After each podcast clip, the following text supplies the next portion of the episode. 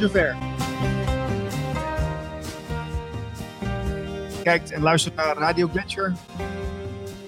Uh, hoger bewustzijn, diepere radio met uh, Niels Lunsing en Marlijn van Dobben.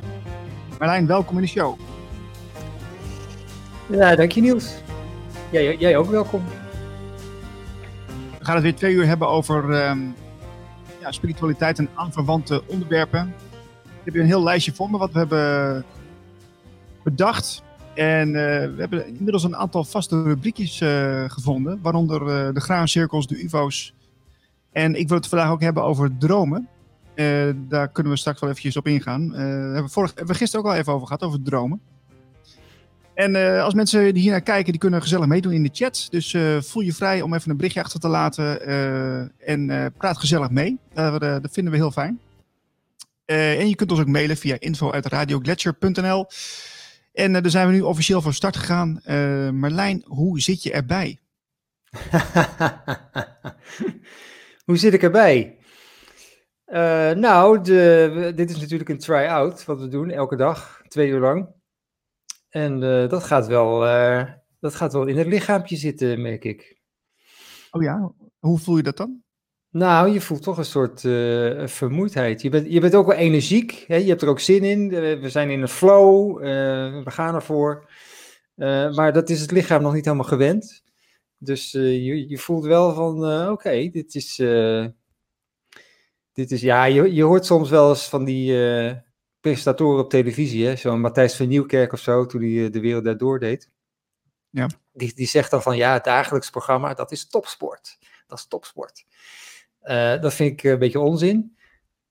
Maar je, je voelt het wel. Je voelt het wel.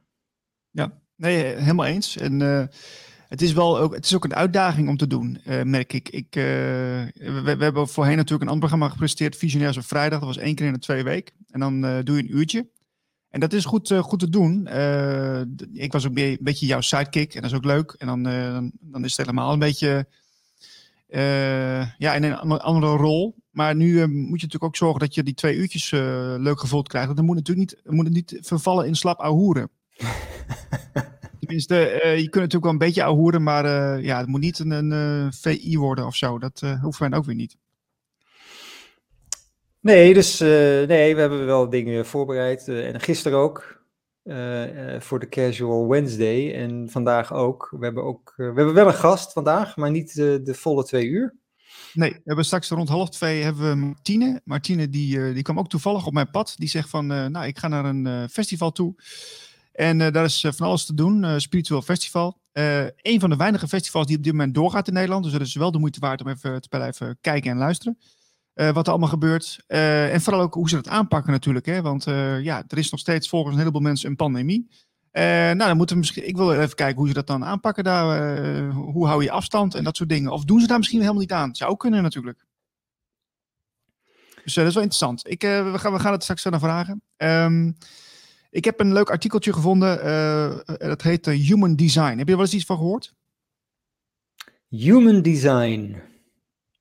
Het, het, ja, er gaat wel ergens een belletje eh, rinkelen, maar uh, ver weg. Ja, Human Design is een hulpmiddel om jouw blauwdruk te ontcijferen. Het is een kaart van het menselijk lichaam dat exact weergeeft hoe de levensenergie door jou heen stroomt. Deze blauwdrukken zijn een tool om je bij te staan in het dagelijks leven. Nou, er zijn dus een aantal types uh, Human Design die je zou kunnen zijn. Dus er zijn voor mij een stuk of vijf types. Maar het gaat over hoe de energie door je heen stroomt? Ja, ja, Human Design eh, combineert elementen van uh, de, de I Ching en astrologie om jouw ziel zo exact mogelijk te, te stippelen, uit te stippelen. Um, en ze onderscheiden dus vijf energietypes. Dat zijn de, uh, de manifestor, de generator, de, de manifesting, de generator, de projector en de reflector. Dat zijn dus de vijf verschillende types. En um, ja, als je dat, dat begrijpt, dan kun je ja, beter begrijpen hoe jouw, uh, jouw energie werkt in jouw lichaam. Daar komt het een beetje op neer. En het generator, dat is, dat is, het is een schatting, dat is 37% van de bevolking. Uh, generators zijn workaholics onder ons. Ze leven om te werken en raken nooit uitgeput. Echter voelt het energietype zich nooit vervuld. Ze halen maar weinig voldoening uit hun werk en dat komt omdat de generators geen initiatiefnemers zijn. Ze zetten zel, zelden zelf projecten op en uh, in plaats daarvan zijn ze geneigd anderen te volgen om mee te bouwen aan hun visie. Het is raadzaam om je vaker je intuïtie te volgen en niet zomaar in projecten te springen waar je twijfels bij hebt. Want generators barsten van energie en eens uh, ze hun tanden ergens inzetten, laten ze ook niet snel meer los. Dat is dus de eerste groep, dus 37%. Voel je daar iets bij, Marlijn? Nou, die initiëren dus niks. Die, die, nee, dat is vooral voor het werk zelf. Exact, exact. Dan heb je de, de manifestors, dat is 8% van de bevolking, um, zijn doelgericht en ze krijgen alles voor elkaar. Eens ze een doel voor ogen hebben, dan lukt het de manifestors om dit binnen afzienbare tijd te manifesteren en te realiseren. Ze planten de zaadjes voor een betere wereld. Ze zetten maar al te graag nieuwe initiatieven en uh, projecten op poten en krijgen een kick als ze merken dat ze een van hun ideeën uh, daadwerkelijk aanslaan. Uh, hun brein draait overuren en daardoor hebben ze niet altijd de nodige energie om hun plannen uit te werken. Dat is dus 8% van de bevolking, zo wordt gezegd. dan heb je de dat, ligt meer, dat ligt meer in, in mijn lijn. Maar ja, dat denk ik ook. Hè? Ja, ik, wacht ja. Af. ik wacht af. Ja, dat, komt nog meer. Er komt nog meer. Dan gaan we naar de, uh, de Manifesting Generator. Dat is 33% van de bevolking. Uh, dit type mens valt niet direct te categoriseren onder één label. Ze barsten van de energie, maar wenden deze energie alleen maar aan voor de dingen die ze echt interesseren. Als hun interesse gewekt is, dan zetten ze moeiteloos hun schouders onder dit project. Ze zijn in staat een duurzame relatie op te bouwen en zich te engageren voor projecten en initiatieven die hun aan het hart gaan. Uh, als ze niet geïnteresseerd zijn, dan lopen de, de manifesting generators ook niet snel warm. Dat is dus 33% van de bevolking. Nou, dat doet heel erg denken aan al die uh, mensen op school die dan niet mee kunnen komen of zo, maar wel heel slim zijn. Maar, en, en dat heeft ook met ADHD, dat heeft ook een link daarmee van mensen die ja, wel slim zijn, maar alleen dingen doen die ze leuk vinden en die ze interessant vinden. En dan, dan gaan ze er helemaal voor, dan gaan ze er helemaal in, dan weten ze daar ook alles van. Ja, ja, uh, Maar ze kunnen niet mee in die uh, eenheidsworst uh, wat het onderwijs is. Nee, ook uiteindelijk een hele belangrijke groep als je het zo schetst. Een, een groep, nou ja, als jij zegt, wat is het, 33 procent, dat, ja. die, valt, die valt dus buiten de boot. Vaak. Ja, maar goed, uh, de, we, ja, we, samen maken ze natuurlijk 100% ergens. Dus het is wel, uh, ik vind het best een flink, flink stuk van de taart hoor. Ja. Dan gaan we door naar de, de projector, dat is 21% van de bevolking. En projectors blijven op de achtergrond. Qua energie dragen ze maar weinig bij in dit leven. Ze zijn hier namelijk om ons inzicht en informatie te verschaffen over een bepaalde problematiek. ze observeren en nemen daar ruimte en tijd voor. ze barsten van de kennis en wijsheid, maar zullen enkel uh, deze met je delen, als, alleen als je erom vraagt. Dit type is namelijk niet sociaal aangelegd en zal niet het initiatief nemen om je te voorzien van een antwoord. Projectors zijn van onschatbare waarde, maar ze moeten actief uitgenodigd worden. Nou, dat, kun, je, kun, je, kun je een voorbeeld geven van zo'n van zo'n projector? Ik vind het wel, moet, moet ik even bij nadenken hoor. nou, je hebt natuurlijk, kijk, we zijn natuurlijk ook nu bezig met alle gasten te regelen. die moet je uitnodigen. Uh, anders komen ze niet. dus je hebt ook mensen die, eh, die zichzelf eh, aanbieden, hè? Die, die, die graag mee willen doen en die gaan daar actief op af. En je hebt ook mensen die inderdaad veel kennis hebben, maar ja, die moet je echt benaderen, want die, die komen zelf niet uit de stoel, zeg maar. Ja, ik moet ook denken trouwens, nu het zegt, aan de, de, astrologen die we volgende week hebben.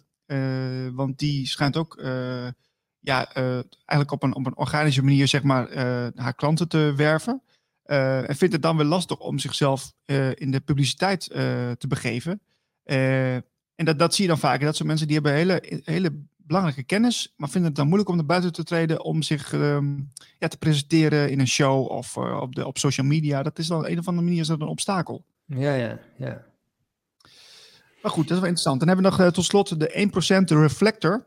Uh, de reflectors zijn unieke en bijzondere wezens. Ze zweven door het leven en hebben een hele, hele helende werking op iedereen die hun pad kruist. Ze hebben een magnetisch effect op de mensen om hen heen. En het is dan ook een aangename ervaring om bij een reflector aanwezig te zijn. Ze spiegelen feilloos je leven en ziel. En een ontmoeting met zo'n speciale ziel vergeet je niet snel. Ze bieden inzicht in je eigen leven. Echter is het, is het voor reflectors zelf van belang om hun grenzen duidelijk aan te geven. Iedereen staat namelijk in de rij om je advies te ontvangen. Dus. Nou, dat zijn de gurus en zo, hè? Ja, dat, dat, uh, dat is het. Dat is het, ja. ja. Nou, dat, uh, ik, ik vond het wel een interessant artikel, uh, eerlijk gezegd. Ik denk van, nou, dat, dat, dat, ja, dat gooi ik er even in. Um, want uh, ja, dus dan zou je jezelf ergens onder kunnen scharen. Hè? Ik, ik, ik voel zelf ook wat meer bij die, um, ja, die manifestors eigenlijk. Hè? Dat je toch bezig bent om iets op poten te zetten, om, om, om je toch te uiten. Uh, en blijkbaar heb je dan toch ergens een, een, talent om dat te doen, om, dat, om de drang om dat te doen. En ja, dat gaat misschien niet helemaal perfect, maar het is wel, het voelt wel als een missie of zo. En dat is, ik heb dat niet bij die andere uh, groepen, dus ik, ik val waarschijnlijk ja. wel bij die manifestors. Maar krijg je dan ook een kick als het, dat stond er ook bij, hè? Je krijgt een kick als het aanslaat. Als je het opzet en aanslaat. Nee, ik heb niet een. Uh, uh, nee, ik vind het wel heel fijn als mensen waarderen wat ik doe. Dat geeft me wel altijd energie. Als mensen me een berichtje sturen of zeggen van goh, wat, uh, wat, wat fijn dat je de informatie deelt. En dat het. dat, dat vind ik wel belangrijk. Het, het gaat me niet om. Kijk, dat is wat meer ego. Van dat je je ego gesteeld wordt en je complimentjes krijgt. Zo is het niet. Maar als, als ik het idee van het, het, het heeft zin, dan ja, dat, dat, nou, dat vind ik fijn. Ja, daar doe ik het wel voor. Ja, dat heb, dat heb ik ook, ja. Ja, ook niet zo dat het een kick is dat je het daarvoor doet of zo. Voor de, dat je dit voor de erkenning doet of uh, nee. nee. Kijk, zegt, uh, ik, ik, ik, kom er eigenlijk steeds meer achter de laatste tijd dat ik veel meer hunker naar, naar schoonheid en naar um, ja, en eigenlijk een heel relaxed, ontspannen leven met een, met een tuintje en met een weg van al die ja, ingewikkelde onderwerpen die er nu zijn in de samenleving. Ik heb er eigenlijk diep in mij zit eigenlijk zoiets van, ik wil dit eigenlijk helemaal niet. Maar ik, ik heb zoiets van, dit, ja, ik, ik, ik, ik, ik voel me verantwoordelijk om dat gewoon te doen. Ik denk van, dit moet ik gewoon doen. En daarna zien we wel weer verder. Uh, herken je dat een beetje? dat Radio Gletscher heb je dat over? Nee, in het algemeen. Gewoon dat je, dat je, dat, nou, dat je gewoon eerlijk zegt van waar, waar je voor staat en wat je voelt en wat je vindt. Dus niet, eh, dit, is dan, dit is eigenlijk een, een, een gevolg van dat uh, element. En zit, zit er dan ook een, um, een soort, uh, ja, het is een beetje een kluizenaarsideaal, hè? Van dat je je terugtrekt uit de maatschappij en dan met een tuintje of in het bos en dan uh, in, ja, met de natuurlijke elementen, dat je daar dan uh, ja, gaat leven op, op termijn. Is ja, maar ik, ik, ideaal? Ja, ik, ja, dat is misschien iets wat je. Je ideaalbeeld ergens, maar of dat ook zo is, weet ik niet. Want het, ik heb dat nog nooit gedaan. Stel je voor dat ik dat dan doe en dat het dan heel erg tegenvalt. Dat je dan zin hebt om weer iets te ondernemen. Ik denk wel dat, we, dat het goed is om af en toe wel, wel dingen te doen. Ik kan niet de hele tijd stilzitten vakantie vieren. Dan verveel je ontzettend rot. Maar uh, ja, misschien is er ook maar een idee in mijn hoofd. Maar ik, uh, ja, het is ook weer toekomstdenken, hè? wat je eigenlijk wat uh, nutteloos is. ja, ja, klopt, klopt. Dus, uh, maar ik, kijk, weet je wat het is? Ik, ik, ik stel mezelf de vraag van, uh, stel je voor dat je, dat, stel je voor de situatie dat, je, dat de mensen aan je graf staan en je, je, moet, je hoort dan al die mensen praten over wat je gedaan hebt, weet je wel? Of nou, Niels was dit, of Merlijn was dat, of dan wil je gewoon horen van dat, het, dat, het, eh, dat je toch wel eh, enige betekenis had. Ik wil niet zeggen dat je, dat je een bekend persoon moet worden, daar gaat het helemaal niet om. Maar wel dat, je, dat mensen zeggen, gewoon, nou, dat, eh, dat was toch iemand, uh, die stond wel ergens voor. Of die, die wilde wel iets, weet je. Dat uh, vind ik toch wel, ja, zou ik wel fijn vinden. Ik, je kunt ook als een, als een, uh, als een muurplantje doodgaan. Hè? Dus ja, hij, hij, was er altijd wel, maar ja, hij zei nooit wat. Of hij, we hadden er ook verder niks aan. We merken het verder niet. ik, maar ja, maar dat is niet dat het minder minder betekenisvol of, of minder goed is. Maar ja, ik wil, dat, ik wil dat in ieder geval niet. Ja, dat is, dat is mijn mening. Ja, je hebt in interviews heb je altijd heel vaak de vraag van uh, als, je, als je doodgaat en hoe wil je dan herinnerd worden en uh, dit en dat. Ik denk, ik denk dan altijd, ja, ik hoef niet herinnerd te worden. Dat interesseert me, interesseert me niks. Het is meer, het nee, her, in het maar. Ja, maar herinnerd worden is weer iets anders dan uh, ja. Kijk, kijk, kijk, ja, ja, ja, ja. Ja, of, je, ja, of jij herinnerd wil worden of, of wat, je, wat je achterlaat, je werk, zeg maar. Of, je, of dat mensen dat nog uh, herinneren of gebruiken of zo. Nou, laat ik zeggen, ik zou het leuk vinden om mensen te inspireren. Ik, ik, word, ik word ook geïnspireerd uh, door andere mensen die, uh, die dingen doen en die ergens voor staan. En, we, en waar. ja, gewoon de, de, mensen een stapje verder helpen. Dat, dat, ik hoef echt, echt geen standbeeld, houd erop. Dat, de heldenverering ben ik ook helemaal niet voor. Maar nou ja, als, je mensen een stapje verder kan helpen om met de informatie die je deelt, of, dat zou ik wel heel fijn vinden. En ja, dat is het een beetje. Ja. Nou, tot zover het diepte-interview met Niels Lunsing, dames en heren. Dankjewel. sorry, ik niet uit. Maar Marlijn, wat heb jij van ons? Ik, had, nou, ik dacht, ik begin even met een heel klein, kort berichtje wat nergens over gaat, maar wel heel grappig is. Dat is deze. Dit, three injured. Dat, drie, drie mensen zijn enigszins gewond geraakt. Dat is niet uh, leuk en grappig. Maar uh, three injured after iceberg, iceberg wall at one of a kind Titanic Museum collapses. Dus ze hebben, er is een Titanic Museum. Daar hebben ze dus ook een ijsberg natuurlijk. Hebben ze daar ook. Uh, en ja, die is omgevallen. Nou. nou ja, jeetje. Het is een beetje de goden verzoek, hè? Als je een Titanic museum hebt, dan, dan, dan kan je eigenlijk wel uh, uittekenen dat dit gaat gebeuren. Ja. Uh, kijk, dit is, uh, dit is het plaatje, dit is de ijsberg. Ah. Goh.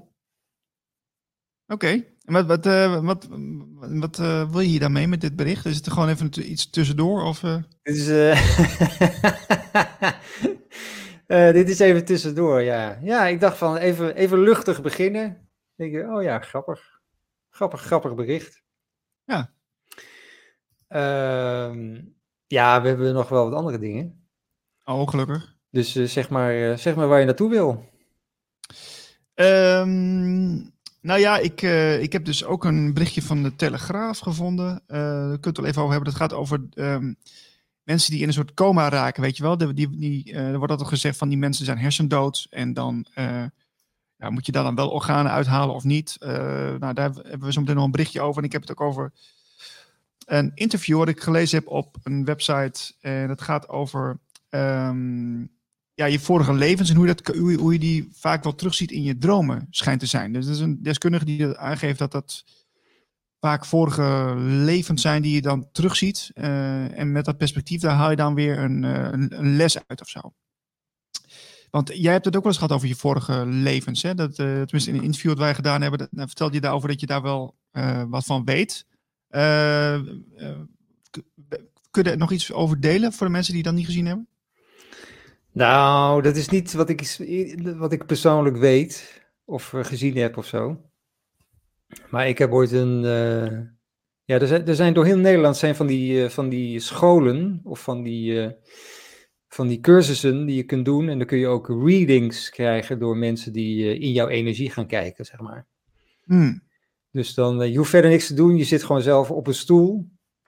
En dan zitten er twee of drie mensen voor je. En die, nou, die gaan dan in, ja, in meditatie, zou je kunnen zeggen. En die tunen in op jouw energie. En die kijken dan naar ook, ook vorige levens en dat soort dingen. Oké. Dus uh, die, die, die, die, ja, die scannen je energetisch en dan komen dan beelden naar boven en dan, uh, nou ja, dan vertellen ze je eh, wat ze hebben gezien. En bij mij was het, um, ze, zagen een, ze zagen dat ik in de haven werkte. Ik was een soort havenmeester. Ik was nooit op een schip te vinden. Ik was altijd gewoon alleen in de haven en ik regelde daar alles. En ik was daar, uh, nou ja, wel goed in. En uh, dat ging allemaal, uh, nou, dat ging gewoon allemaal zoals het ging. En ik was wel een beetje, omdat ik continu allemaal dingen aan de regelen was, was ik een beetje mijn privéleven vergeten om daar iets mee te doen. Hij was eigenlijk een soort generator. ja, ja, ja. ja. ja. Ben eigenlijk van generator ben naar manifester gegaan. Nou, nee, wat is dit nog een stap tussen ook? Want dit was een, eh, een eh, vorig leven waarin ik eh, dus, dus ja, veel, veel geregeld, weinig aan mezelf, weinig gevoeld.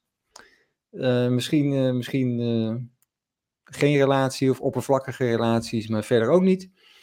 Dus daarna zagen ze nog een heel kort leven.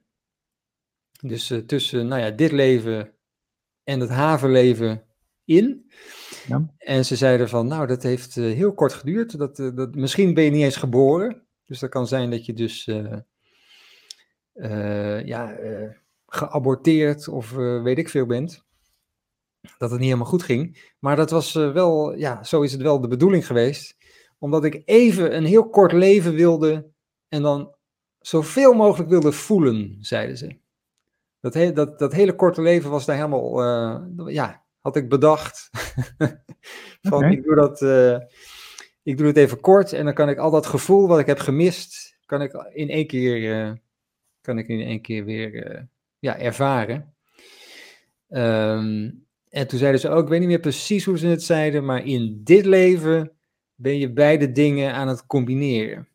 Dus je met je gevoel, met je gevoel wil je eigenlijk manifesteren of dingen regelen. Dus de, de, ja, de, ja zo, zo, zoiets. het gevoel wat je, ja, wat je van binnen voelt, ja, ja. om maar daar dat, iets mee te doen. Het korte leven wat je net zei, hè? Uh, weet je daar ook iets van? Nee, ik weet hier verder niks zelf van, want ik kan daar niet, uh, ik kan daar niet naar terug. Nee. Ik heb wel oefeningen gedaan, dan ga ik terug naar toen ik ongeveer uh, één was of zo. Heel jong, maar niet, niet verder dan dat. Nee. Misschien was het wel leuk om een keer, ehm, want we, ja, ik vind het wel leuk om mensen die dus wel zo'n gave hebben om, om je mee te nemen in een, in, in, een andere dimensie. En dan kun je het hebben over channeling of Ehm, ja, zo'n zo eh, een soort healing-achtige sessie. Uh, het lijkt me ook wel leuk om tarotkaart een keer te doen uh, live. Waarom niet? Met, met, met, met iemand die dat uh, beheerst.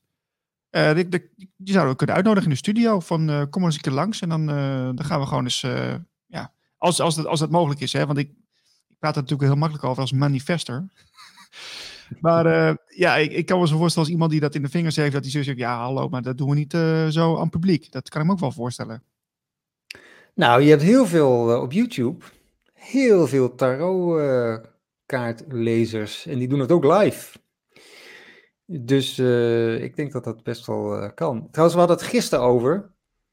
Um, er was dat experiment over met dobbelstenen.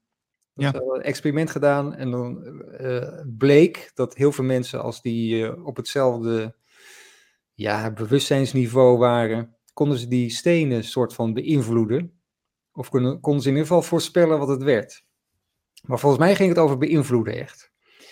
En, en dat heb ik wel ook een keer getest. Maar met kaarten. Dus ah. uh, we hadden, dit is al heel lang geleden, je gaat op zo'n zuipvakantie met allerlei vrienden en dan ga je kaarten. Waarom? En dan, uh, als je verliest, dan moet je drinken. Dus je moet ervoor zorgen dat je de goede kaarten hebt. En, uh, of in ieder geval goed speelt. Dus er zijn al, allemaal van die bierspelletjes voor natuurlijk. Dus ik weet niet precies hoe het spelletje ging. Maar iedereen kreeg zeg maar een beurt om te schudden. Mm En om, om de kaarten uit te delen. En dan, nou ja, zo. Dus elke keer dat ik aan de beurt was, dacht ik, ik schud tot het goed voelt. Dus je hebt een soort gevoel van, oké, nu, moet ik, nu moet ik stoppen, nu uitdelen. Ja, ja, ja, nu moet ik nog niet stoppen en dan nog eventjes, nog eventjes verder, want dit, dit uh, voelt nog niet helemaal goed. En elke keer dat ik schudde, want ik heb het allebei getest, elke keer dat ik schudde en het goed voelde, hoefde ik niets of bijna uh, heel weinig te drinken. Als het slecht voelde, had ik ook de verkeerde kaarten en dan ging het helemaal mis. ja, nou dat zegt dus wel weer wat, hè?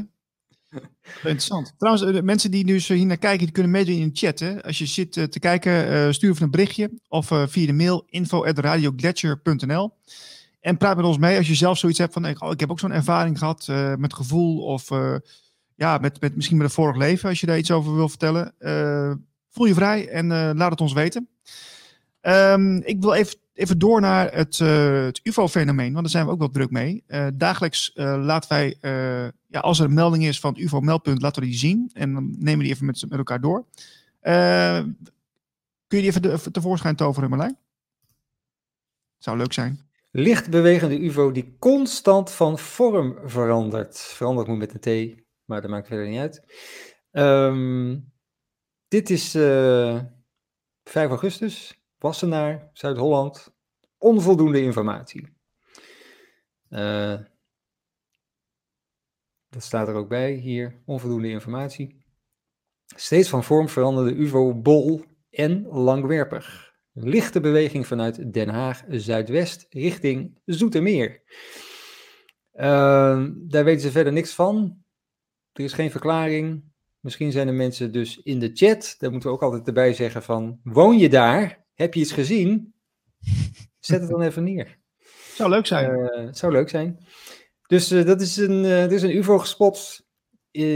dus ja, ja, ja, Wassenaar, Den Haag, Zoetermeer, in die buurt. Dus ja, dat is de, okay. de, UFO van de dag. En er zijn er vaak meerdere. Hè? Op ufomeld.nl zijn er meerdere per dag. Maar uh, dit was de leukste, zullen we maar zeggen. Ik heb gisteren ben ik begonnen aan een, uh, een serie uh, op Netflix. En dit gaat over ja, de, de declassified UFO files. Um, en de, ik heb de eerste aflevering gezien en dat ging dan over Project Blue Book. heel bekend, het onderzoek wat, wat ze in de jaren 40 gestart hebben, volgens mij, of jaren 50 uh, in Amerika naar UFO's. En dat wat uiteindelijk ja, niks geworden is. Uiteindelijk hebben ze gezegd van ja, er, er is, die zijn er gewoon niet. Het is gewoon niet, we kunnen niks vinden. Um, en dan, dan, kom je natuurlijk bij, bij het eerste verhaal van Roswell uit. Hè, dan wordt het toch een beetje opgerakeld. En, um, dus ik, ik zag er dus een leuke documentaire over. Een documentaire serie is het eigenlijk. maar um, ja, het, het, het, het, moet, het pakt me nog niet zo, eerlijk gezegd. Ik heb, ik, heb, ik heb het wel vaker gezien, dat soort documentaires, maar ik, ik vind het een beetje een herhaling van zetten. En ja, met de kennis van nu, zoals je dat dan kunnen, zou kunnen zeggen, is het een beetje, ja, voor mij wel een beetje achterhaald. Maar goed, misschien word ik nog verrast. Maar er is dus op Netflix een leuke documentaire serie over te vinden. Die staat ook in de top 10 van de best bekeken Nederlandse series. Dus mocht je op Netflix zitten, check het even uit. Check it out. Is het een, is het een Nederlandse documentaire? Nee. nee. Oké. Nee, ik vind ook altijd dat het uh, veel herhaling zit erin. En dat is allemaal een beetje. Uh, ja, er zit altijd een beetje een bepaalde sfeer in. Waarvan ik denk. Uh, je, je, kan het, je kan het ook anders brengen, allemaal. Er zijn altijd heel veel vragen, weinig antwoorden. Ja, ook dat. Ja. Op laatst hoor je altijd van. Nou, zou er nog UFO's, zou er nog UFO's zijn? Uh, wie kent het mysterie van het universum? En dan word je daar weer mee. mee uh, ja, goed. Dat, dat, is vaak de afsluiting. Ik denk van ja, een beetje, een beetje jammer. Maar goed, uh, het is goed dat er over gesproken wordt. Dat is, dat is ook een beetje mijn idee met dit Gletscher-verhaal. We, we, gaan erover praten. Klaar. Ja. Graancirkels. We hebben er weer één. Volgens de NOS zijn dit, wat waren het ook alweer, Niels? Ja, dat, is, dat, ja, dat, dan, dat hebben ze alleen aan mij verteld. Hè? Dus dan moet ik even bijzetten. Mensen die, die dat denken dat ze dat kunnen vinden op nos.nl, dat is niet waar. Ze hebben het echt alleen aan mij verteld. Dat zijn jongens die dan zo'n vier uur s ochtends opstaan en die maken dat dan met, met, met kruiwagens en hooivorken. um, maar goed, dat, dat, dat weten alleen wij. Dat weten alleen wij. De rest weet dat niet. Maar Oké, okay, goed. Moeten we even stilhouden. Ja. Uh, ja, nee, meestal komen ze dus in Engeland. Uh, omdat het, ik weet, ik weet niet waarom. Weet jij waarom? Het is een soort energetische plek, Engeland. Dat denk ik wel, ja. ja. Absoluut. Vooral in het zuiden. Het, het, schijnt wel heel erg uh, uh, bijzonder te zijn. Ja. nou, dit is in Duitsland. Oh. Dit is uh, Boegendorf bij Gauting. En nou ja, dan krijg je dus zoiets. Hm. Wauw, wel mooi. Ja, wel een mooi ding. Zo. Ja, ik vraag me altijd af wat, wat zo'n symbool nou betekent. Hè? Want het is natuurlijk een hele andere taal. Of het is nou een, uh, wij, kunnen er zelf geen betekenis aan geven. Maar het is wel... Uh, wat, uh, krijg je hier ook een gevoel bij, Marlijn? Van, goh, dit is positief of is het een waarschuwing? Ja, eigenlijk zouden we dat even moeten, moeten, moeten doen, hè? Op een of andere manier. Dat we, dat, we, dat we in ons gevoel gaan als we dit, als we dit zo zien. Um, ja, de, de, de eerste associatie die ik eh, erbij krijg is dat het eh, een beetje blikkerig. Een, een beetje blikkerig, aluminiumachtig. Hmm. Uh, nou, wat ik, wat, ik, wat ik eraan zie, maar dat is natuurlijk alleen maar van mijn perspectief, is dat de aarde centraal staat en dat er omheen van alles gebeurt. Hè? Je ziet dus al die, ja, al die andere oh. stipjes die uh, ja, eigenlijk uh, wel uh, meekijken en misschien aanwezig zijn. Dat, dat, dat, zie ik er een beetje in. Maar het zou ook iets anders kunnen zijn. Oh, dat zijn dan, ja, dat zijn dan planeten, maar het kunnen ook ruimteschepen zijn natuurlijk. Ja. Ja, veel, veel channelers die zeggen dat ook, hè? Die, uh, dat er veel aanwezigheid is. Maar goed, uh, daar horen we waarschijnlijk volgende week veel meer van. Want dan hebben we een hele bijzondere gast die ook, uh, ja, die ook veel UFO's gezien heeft in Groningen. Dus dat, dat is leuk. Oké. Okay. Um, even zien. De granaatcirkels hebben we gehad. De, de UFO's ook. Um, wat, wat, heb jij nog meegenomen? Ik heb een heel lang verhaal. Maar dat is wel een heel leuk verhaal. Nou, dan doen we, dan doen we dat gewoon. Dus um, dan heb, je een roffel, heb je een roffeltje nodig? Uh, ja, als, ja, als hij maar lang genoeg is, want ik moet het even opzoeken. Oké. Zo lang heb ik het niet. Ik zal hem even voorzetten. Dit is uh, het artikel.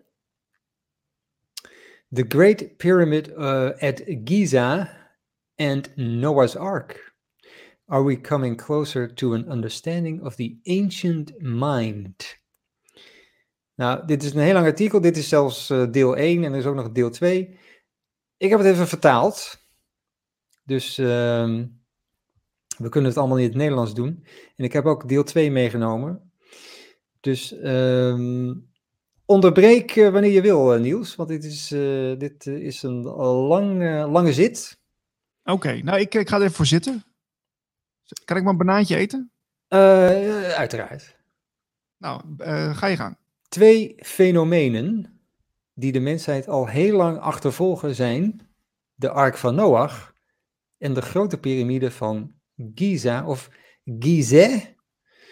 Uh, ik weet niet hoe dat, dat is waarschijnlijk de Nederlandse vertaling slash uitspraak. Er is echter zelden gesuggereerd dat deze twee met elkaar verbonden zijn. Dus daar gaat het artikel over, over Noah's Ark, over, over ja, Noah's Ark, Ark van Noach en de, en de Giza-pyramide. en die hebben met elkaar te maken op een of andere manier. En dit is een artikel van Carl Johan Kalleman. En hij heeft hier ook een boek over geschreven, dus dit, dit is een beetje de, ja, de cliff notes van, uh, van zijn boek uit 2016. In dit artikel, zegt hij, zal ik beargumenteren dat de ark en de grote piramide met elkaar verbonden zijn door bewustzijnsverschuivingen, door consciousness shifts. En deze shifts gaven aanleiding tot de menselijke beschaving en geschiedenis. Om dit verband aan te tonen zal ik me baseren op de Maya-kalender, maar ook op een interessante recente vertaling van de Dode Zeerollen met betrekking tot de ark. Het idee dat de opkomst van de menselijke beschaving werd veroorzaakt door een bewustzijnsverschuiving in de mondiale geest staat centraal in mijn boek The Global Mind and the Rise of Civilization uit 2016. Er zijn twee theorieën over de oorsprong van de mens. Of in, elk geval de oorsprong van zeg maar, de beschaving, van wat we, hè, waar we nu in zitten. De eerste buitenaardse wezens kwamen naar de aarde toe, deelden hun kennis en rommelden ook een beetje met het DNA van de voorloper van de mens. De tweede theorie is dat er een verloren beschaving moet zijn geweest, het idee van Atlantis, en dat de overlevenden hiervan vertrokken naar Egypte, Mesopotamië en de Indusvallei om daar de beschaving verder te brengen. Dat zijn de twee theorieën.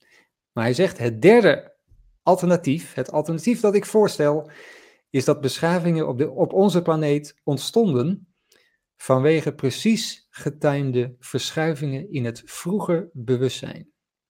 Dit zou meteen verklaren waarom de opkomst van de beschaving zo'n plotselinge gebeurtenis lijkt te zijn geweest, met zo weinig voorafgaande vormen. Egypte bijvoorbeeld lijkt van het stenen tijdperk te zijn overgegaan naar een verfijnde monarchie, die in staat is piramides te bouwen binnen een tijdsbestek van slechts enkele generaties. Ja, Niels?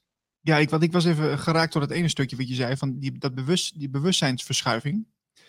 Um, heb jij ook onderzocht van hoe hij dat dan ziet? Want uh, is dat dan echt een soort van uh, overgang van een dimensie, moet ik het zo zien? Dat mensen, dat, dat, dat, dat, dat er opeens dat mensen bewust zijn? Of, of dat, uh, dat. Kun je er iets meer duiding over geven? Want ik vind het een beetje vaag. Uh, het, is, het, het is vaag en het blijft ook een beetje vaag. Want uh, het gaat over. Ja, dat. dat het gaat over sacred geometry ook. Het gaat over van die codes. Het, het gaat erom dat, dat we. Ja, dat de Maya's dat ook al hebben, maar dat, dat, gaan we zo in het artikel ook uh, verder zien. Maar de Maya's hebben dat uh, soort van voorspeld. Van op dat moment krijgt de mensheid een soort, ja, een, eh, een bewustzijnsinjectie. Of een update, ja. Ja, want ik, ik sprak uh, eergisteren Peter Tonen, die hebben we ook uh, binnenkort, of nee, de twintigste hebben die in de uitzending. En die, uh, die heeft een boek geschreven over de Maya-kalender in 2012, volgens mij. Of gaat over 2012. En die heeft dat uh, heel erg bestudeerd. Die, uh, die zal er ook wat over vertellen. Maar uh, ja, dit, dit, het verhaal gaat natuurlijk dat in 2012 dat het, bewustzijn van veel mensen omhoog is gegaan. Dat, dat hebben ze ook voorspeld. Um, maar ja, wat, wat, dat, dat bewustzijn, dat blijft altijd een beetje van, ja, oké, het bewustzijn gaat omhoog, maar wat gebeurt er dan eigenlijk? Het is zo, ja, je wordt je ergens bewust van. Maar ja, er zijn heel veel verschillende manieren hoe je dat kan uitleggen. Maar ik ben heel benieuwd hoe je nu verder gaat. Ja, en, en wie doet dat? Of, of zit daar niemand achter? Is het gewoon een soort proces dat automatisch uh, om de zoveel jaar gebeurt? Ja, en volgens, volgens Peter, die, die ik dus sprak, is, uh, schijnt dus dat die updates die, uh, ja, die mensen zeggen te ontvangen, dat die door de zon ja, naar je toe komen. Dus we zijn natuurlijk zonnekinderen, om het zo te zeggen. we leven van de zon. Zonder zon is er ook geen leven hè, op deze planeet. dus doordat die energie verandert met de zon op je ja, op je huid uh, schijnt dus dat, het, uh, ja, dat je DNA geactiveerd zou worden. En uh, daarin verandert. Dus dan krijg je een update van: hey, ik merk dat ik veel meer kennis heb of veel meer, ja, ja, veel meer kan dan ik eigenlijk voorheen had gedacht. Dus ja, dat is misschien de shift. Maar okay. dus we gaan het zien. Ja, ja maar Egypte is dus ja, van het een op andere moment, stenen tijdperk eerst. En dan eigenlijk heel snel overgestapt naar een verfijnde monarchie, zegt hij. En ze, waren in staat piramides te bouwen binnen een tijdsbestek van slechts enkele generaties. Als er een collectieve bewustzijnsverschuiving zou zijn, zou er echter geen reden zijn om aan te nemen dat deze evolutie het resultaat zou moeten zijn van een langzaam en geleidelijk leerproces. Want dan gaat het in één keer, klapt het zeg maar om. Naar mijn mening vond de meest significante dergelijke verschuiving plaats toen de mondiale geest werd geactiveerd aan het begin van de Maya Long Count, of de Maya Lange Telling, of de zesde golf wordt het ook wel genoemd, in 3115 voor Christus. Dus 3115 voor Christus. Uh, dat is het begin van uh, dat, dat deel van de Maya-kalender. Als gevolg hiervan werden de mensen in resonantie met deze mondiale geest uh, begiftigd, niet vergiftigd, maar begiftigd, met de capaciteiten om beschavingen te creëren. Want daarvoor was het een beetje een zooitje en iedereen liep maar een beetje een kant op en er was geen enkele. iedereen deed maar wat. En toen opeens konden ze beschavingen opzetten. De Maya-kalender is gebaseerd op verschillende tijdsperioden die worden gekenmerkt door verschillende spirituele kwaliteiten. En wanneer we van de ene naar de andere periode gaan, vindt er een verschuiving in bewustzijn plaats. Eén zo'n periode is dus de lange telling. Tot het jaar 2011 bestond de lange tellinggolf uit 13 zogenaamde baktoens. En dat zijn tijdsperioden van 144.000 dagen of 394,3 gewone jaren. Die verschoven tussen zeven pieken of dagen en zes dalen of nachten. Uh, en dat, dat, dat getal, dat is heel belangrijk, dat 144.000. Dat is ook heel raar, want we hebben, we hebben ook een woord voor het getal 144. Daar hebben we gewoon een woord voor verzonnen. Nou, er schijnt ook in de, in de, in de Bijbel uh, schijnt ook dat, dat getal naar voren te komen. Of in ieder geval in, de, in een van de Bijbelse teksten begreep ik dat het, uh, dat zijn de, de 144.000 uitverkorenen. Heb je daar wat van gehoord? Ja, en uh, dan heb je ook nog het getal 72, wat, wat de helft is. Wat ook heel belangrijk is. Want je hebt de, de, de 72 uh, maagden, bijvoorbeeld. Uh, er zit ook iets bij van yin en yang en uh, licht en donker. Dat, dat, dat dus de helft licht, de helft donker is. En dan heb je het over dus 72 van de 144. Maar dat, is, dat, dat blijft een beetje vaag. Misschien kunnen, we daar, kunnen, we daar, een keer wat dieper ingaan. Ja, ik, ik ken iemand die dat, uh, die dat haarfijn zou kunnen uitleggen. Dat is Wijnand Veldhuizen. Die heb ik ook gevraagd om een keer eh, aan te schuiven. Die is heel erg met uh, numerologie bezig. Die ze weet precies wat die, ja, wat die getallen betekenen. En vooral ook in de context van de Bijbel. En, en, die kan het ook weer vertalen naar de moderne tijd. Van, wat, wat, wat zien we daar nu van terug? Dus okay. kan op een later moment nog een keer. Deze lange telling van de Mayas was de kalender die de Mayas gebruikten om al hun eigen piramides te dateren. De meest relevante inscriptie over het allereerste begin is waarschijnlijk die op de tafel van het kruis in Palenque, waarin staat dat aan het begin van de lange telling de eerste vader de wereldboom oprichtte, zodat het licht kon binnenkomen. En dan zeggen ze, it was made proper, dat staat dan dus op, uh, op dat uh, tafel van het kruis. It was made proper, the raised up sky palace, the eight house partition is its holy name, the house in the north. Nou, dat kunnen we allemaal niet volgen, dat zijn allemaal uh, vage hmm. termen. Maar hieruit blijkt dat het begin van de Maya lange telling een metafysische verschuiving op wereldschaal heeft betekend, teweeggebracht door de eerste vader, wat we God zouden kunnen noemen, die de wereldboom oprichtte, wat de meeste culturen de Tree of Life noemen. Uh, in het noorden, zeggen ze dan ook nog. Uh, in eerste instantie klinkt dit misschien cryptisch, maar dat is niet zo als je het plaatst in de context van de Maya en Azteekse kosmologie, waarin de wereld vaak wordt afgebeeld als een acht gepassion, gepartitioneerd kosmogram met de levensboom in het midden. En daar heb ik een plaatje, daar heb ik twee plaatjes van. Oké. Ehm, even kijken. Plaatje. Dus het is een klein plaatje, dus ik kan niet echt goed inzoomen hier. Um, maar je ziet wel, het is in achter verdeeld. Dus in het midden zie je een boom in allebei. En dan heb je acht mannetjes die daar omheen staan.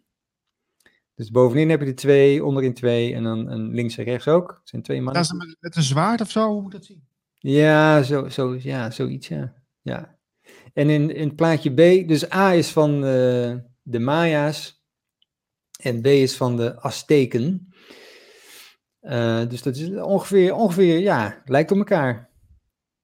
Interessant hoor. Ja, maar uh, dat is ook een documentaire van een hele bekende Zeitgeist. Die heb je misschien ook wel een keer gezien. Uh, daar, daarin zie je ook dat heel veel wereldreligies en dat heel veel verhalen op elkaar lijken.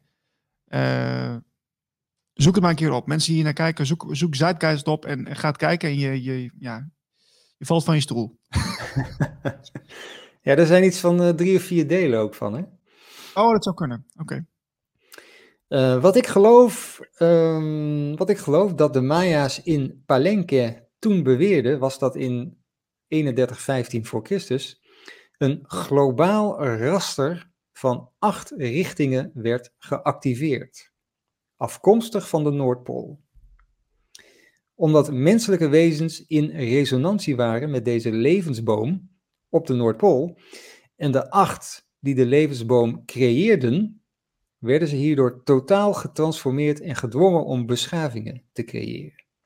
De activering van een raster van rechte en loodrechte lijnen kwam neer op een zeer diepgaande verschuiving in bewustzijn die mensen voor het eerst een gestructureerde en rationele geest gaf, waardoor ze beschavingen konden creëren. Dus dat, dat, dat is die shift geweest, dat iedereen veel gestructureerder ging denken en, en rationeler. En daarvoor was het allemaal een beetje uh, chaotisch. Nou, het voelt ook een beetje zoals je nu schetst, dat het, dat het toch te maken heeft met een hele duidelijke update. Ja. Het is relevant om te kijken wat er rond de tijd van 3115 voor Christus is gebeurd, wat aan zou kunnen geven dat er dan een verschuiving in bewustzijn heeft plaatsgevonden. En ja hoor, want moet je kijken wat er allemaal is. Uh, volgens mij heb ik daar geen plaatje van. Ik moet even kijken. Nee, geen plaatje van, helaas. Um, maar er zijn heel veel dingen dus uh, ontdekt of gemaakt of uh, on, ja, uitgevonden. De eerste steden waren in Sumer, 3200 voor Christus. Ja. Hoe noem je dat? Sumer? Sumerië, toch? Sumerië, oké, okay, Sumerië. De eerste piramides waren in Egypte en Sumerië 3100 voor Christus. De eerste monarchie was in Egypte 3150 voor Christus. De eerste cijfers die ze gingen gebruiken, Sumerië 3100 voor Christus en Egypte 3000 voor Christus. Dus dit valt allemaal in dezelfde periode. De eerste, uh, de eerste metingen en de eerste maten die ze hadden, was in de Indusvallei 3250 voor Christus.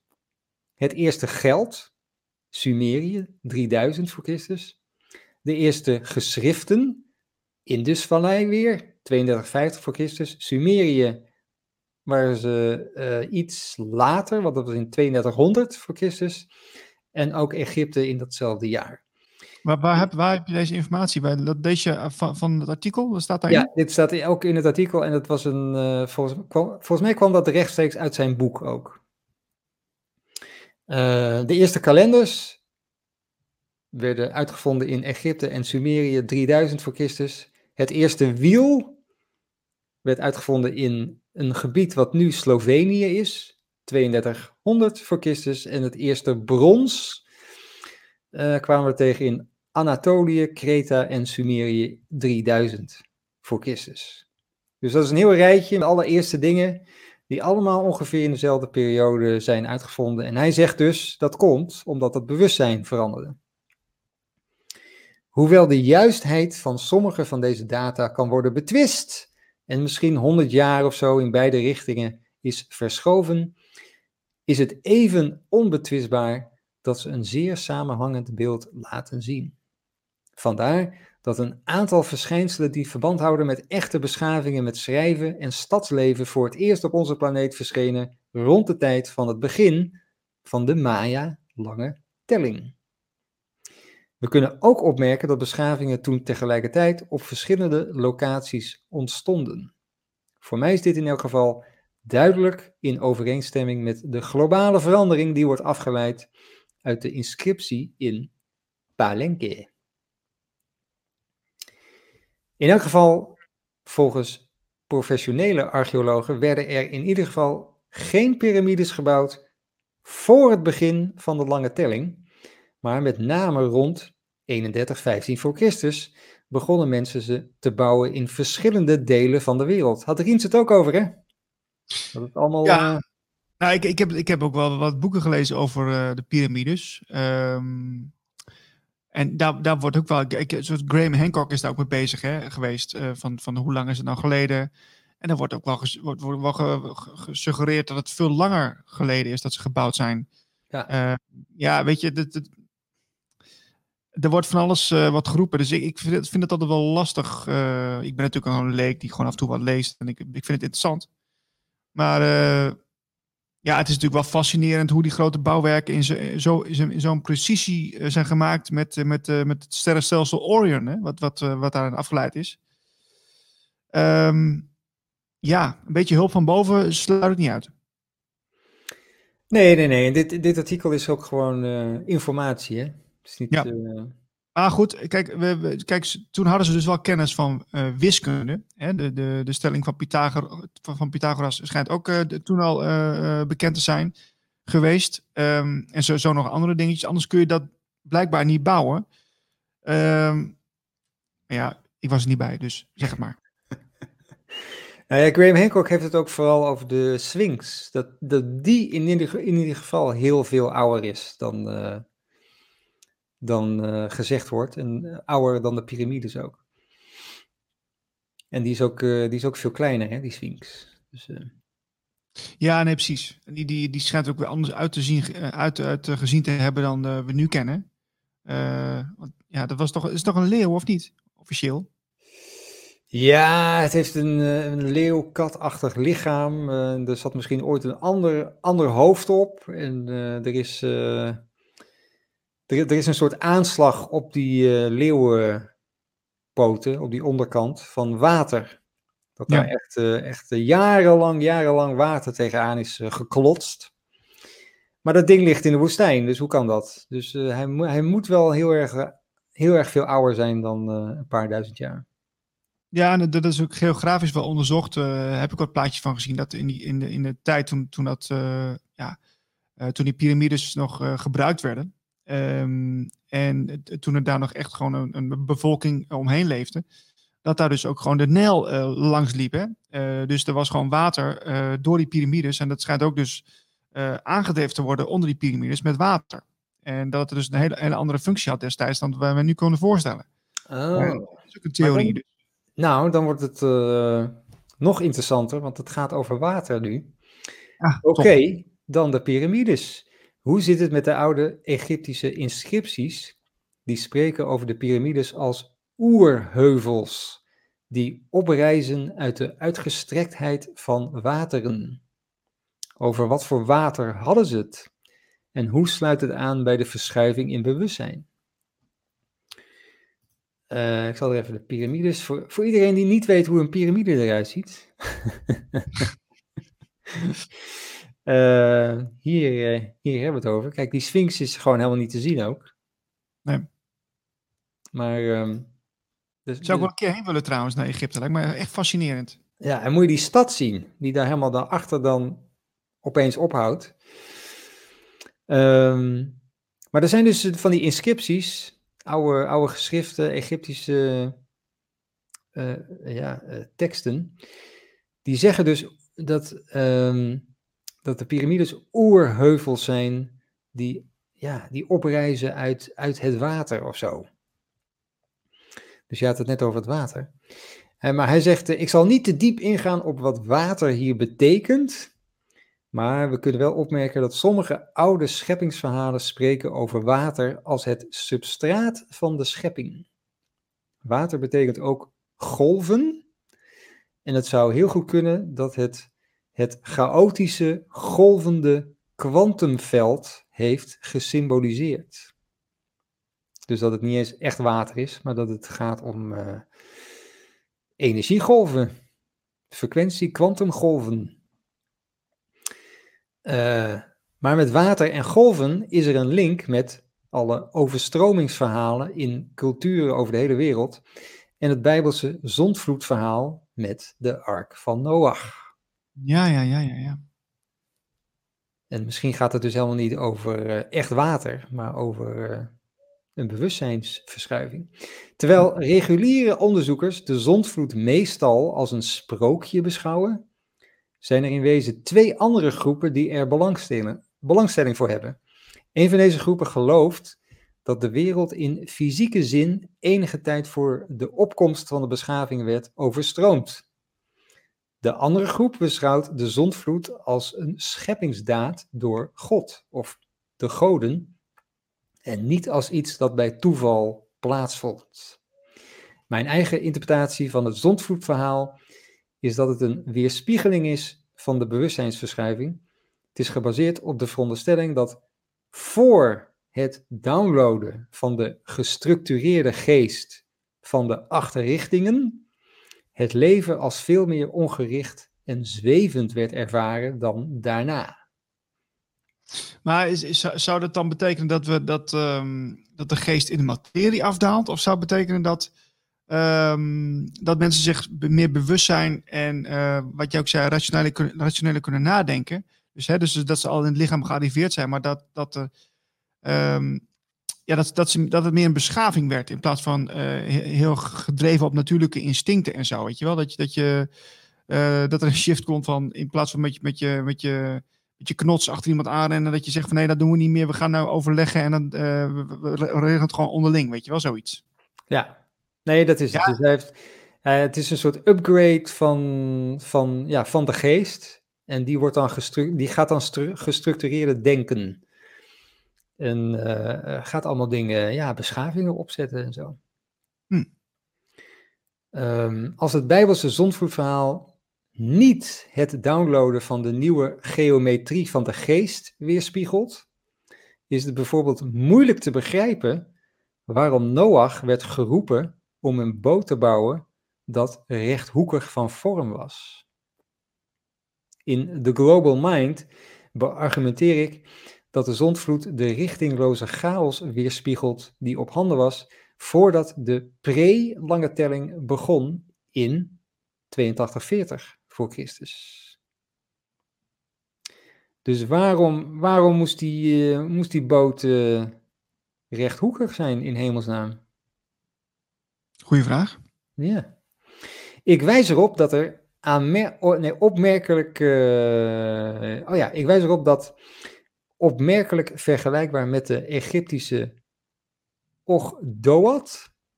Dat is een soort verhaal, denk ik, oud verhaal en de Maya-inscriptie in dit verhaal, dus over uh, Noach, in dit verhaal ook vier man-vrouw paren zijn overgebleven op de ark van Noach, namelijk Noachs familie.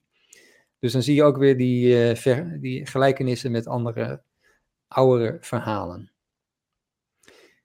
Laatste alinea, dan zijn we er doorheen. Jongen, jongen.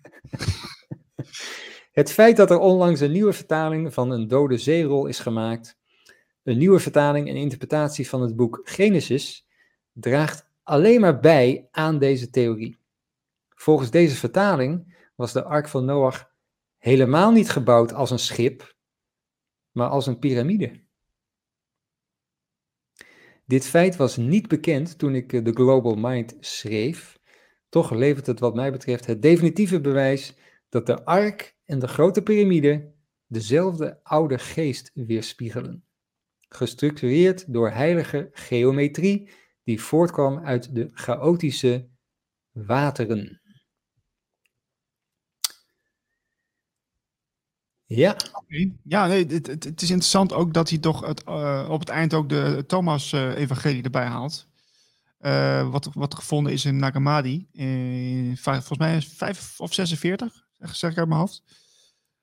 Want ik heb dat ook gelezen en dat is heel inspirerend. Want het laat namelijk een heel ander uh, beeld zien van, van de, betekenis van de Bijbel. Omdat het veel um, meer liefdevol verhaal is. En het, als je het leest, tenminste, dat was mijn ervaring. Ik begreep precies wat er stond. Het heeft gewoon met bewustzijn te maken. Uh, er zijn heel veel voorbeelden die je natuurlijk niet letterlijk moet nemen in, in die uh, beschrijvingen. Maar het heeft vooral te maken met uh, begrijpen dat je een ego hebt en begrijpen waar het in het leven over gaat. En ja, als je, als, je, als je met spiritualiteit bezig bent, dan, en, ja, dan, dan snap je die tekst in één keer.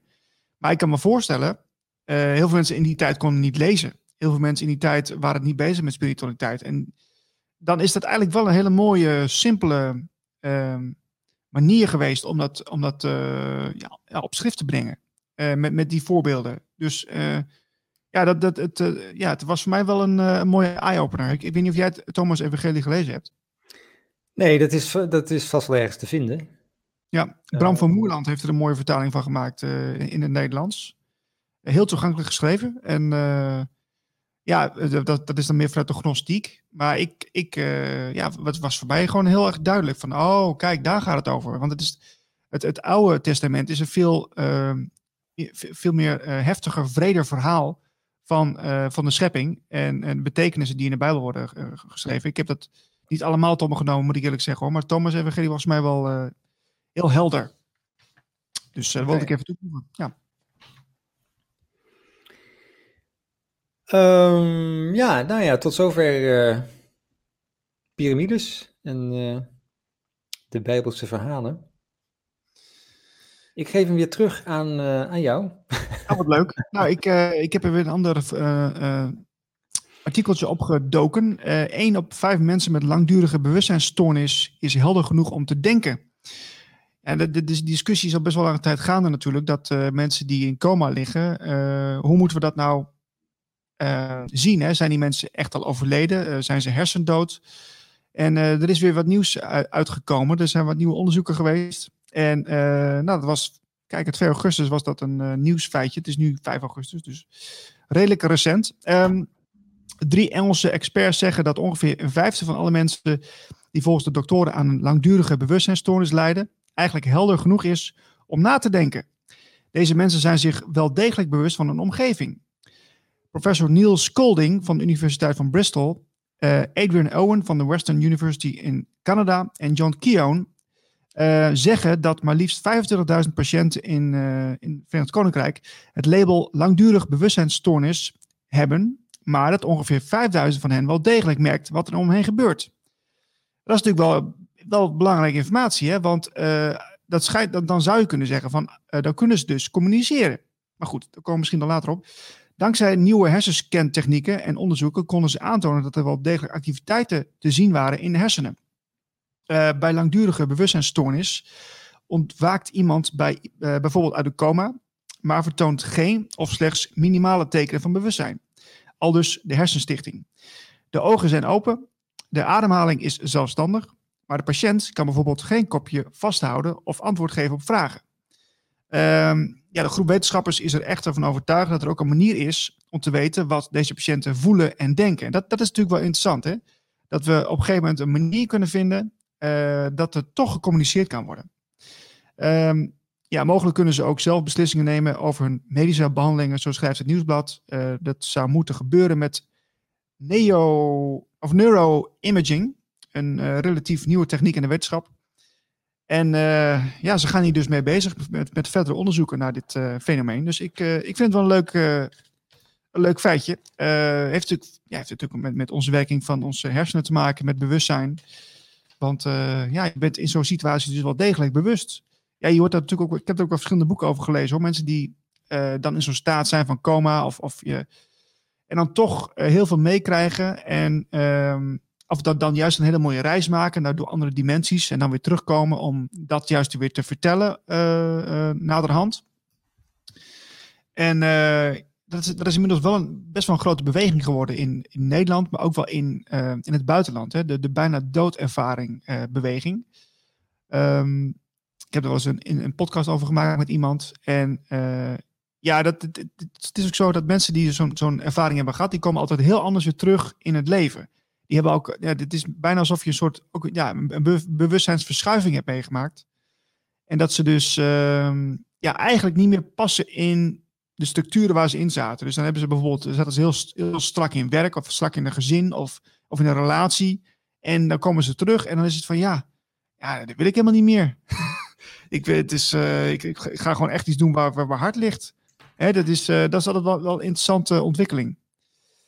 Heb jij, ken jij mensen die een bijna doodervaring hebben gehad, uh, Marlijn? Nee, nee, nee, nee. En, en, en zelf, zelf ook niet. Nee, nee. Uh, ik hoor een echo. Ja, ik ook. Ben je er nog? Ja. ja. Uh, oh nee, hij is, er, hij is er nog. Hij is er nog. Hij is er nog. Ja. Hij is er nog. Ja, ja, ja. Um, maar nee, uh, bijna, ja, nee, dat, uh, nee, daar heb ik geen ervaring mee. En ik ken ook niemand die dat heeft gehad. Alhoewel. Alhoewel. Um, Oeh. Dan moet ik even diep graven hoor. Nou, dat geeft niet. ik, uh, ik, ik heb ook nog een ander een artikeltje opgeduikeld, uh, wat ook wel leuk is. Nou, ik, heb wel, ik, heb wel, ik ken wel iemand die, dit was, ja, je, ja je, je kan het een bijna doodervaring noemen. Dus iemand die auto, een auto-ongeluk heeft gehad en toen uit haar lichaam is geweest. Oh ja. En dan krijg je dus de vraag, maar goed, dat weet je, al, dat, dat weet je een beetje met vlagen achteraf uh, pas.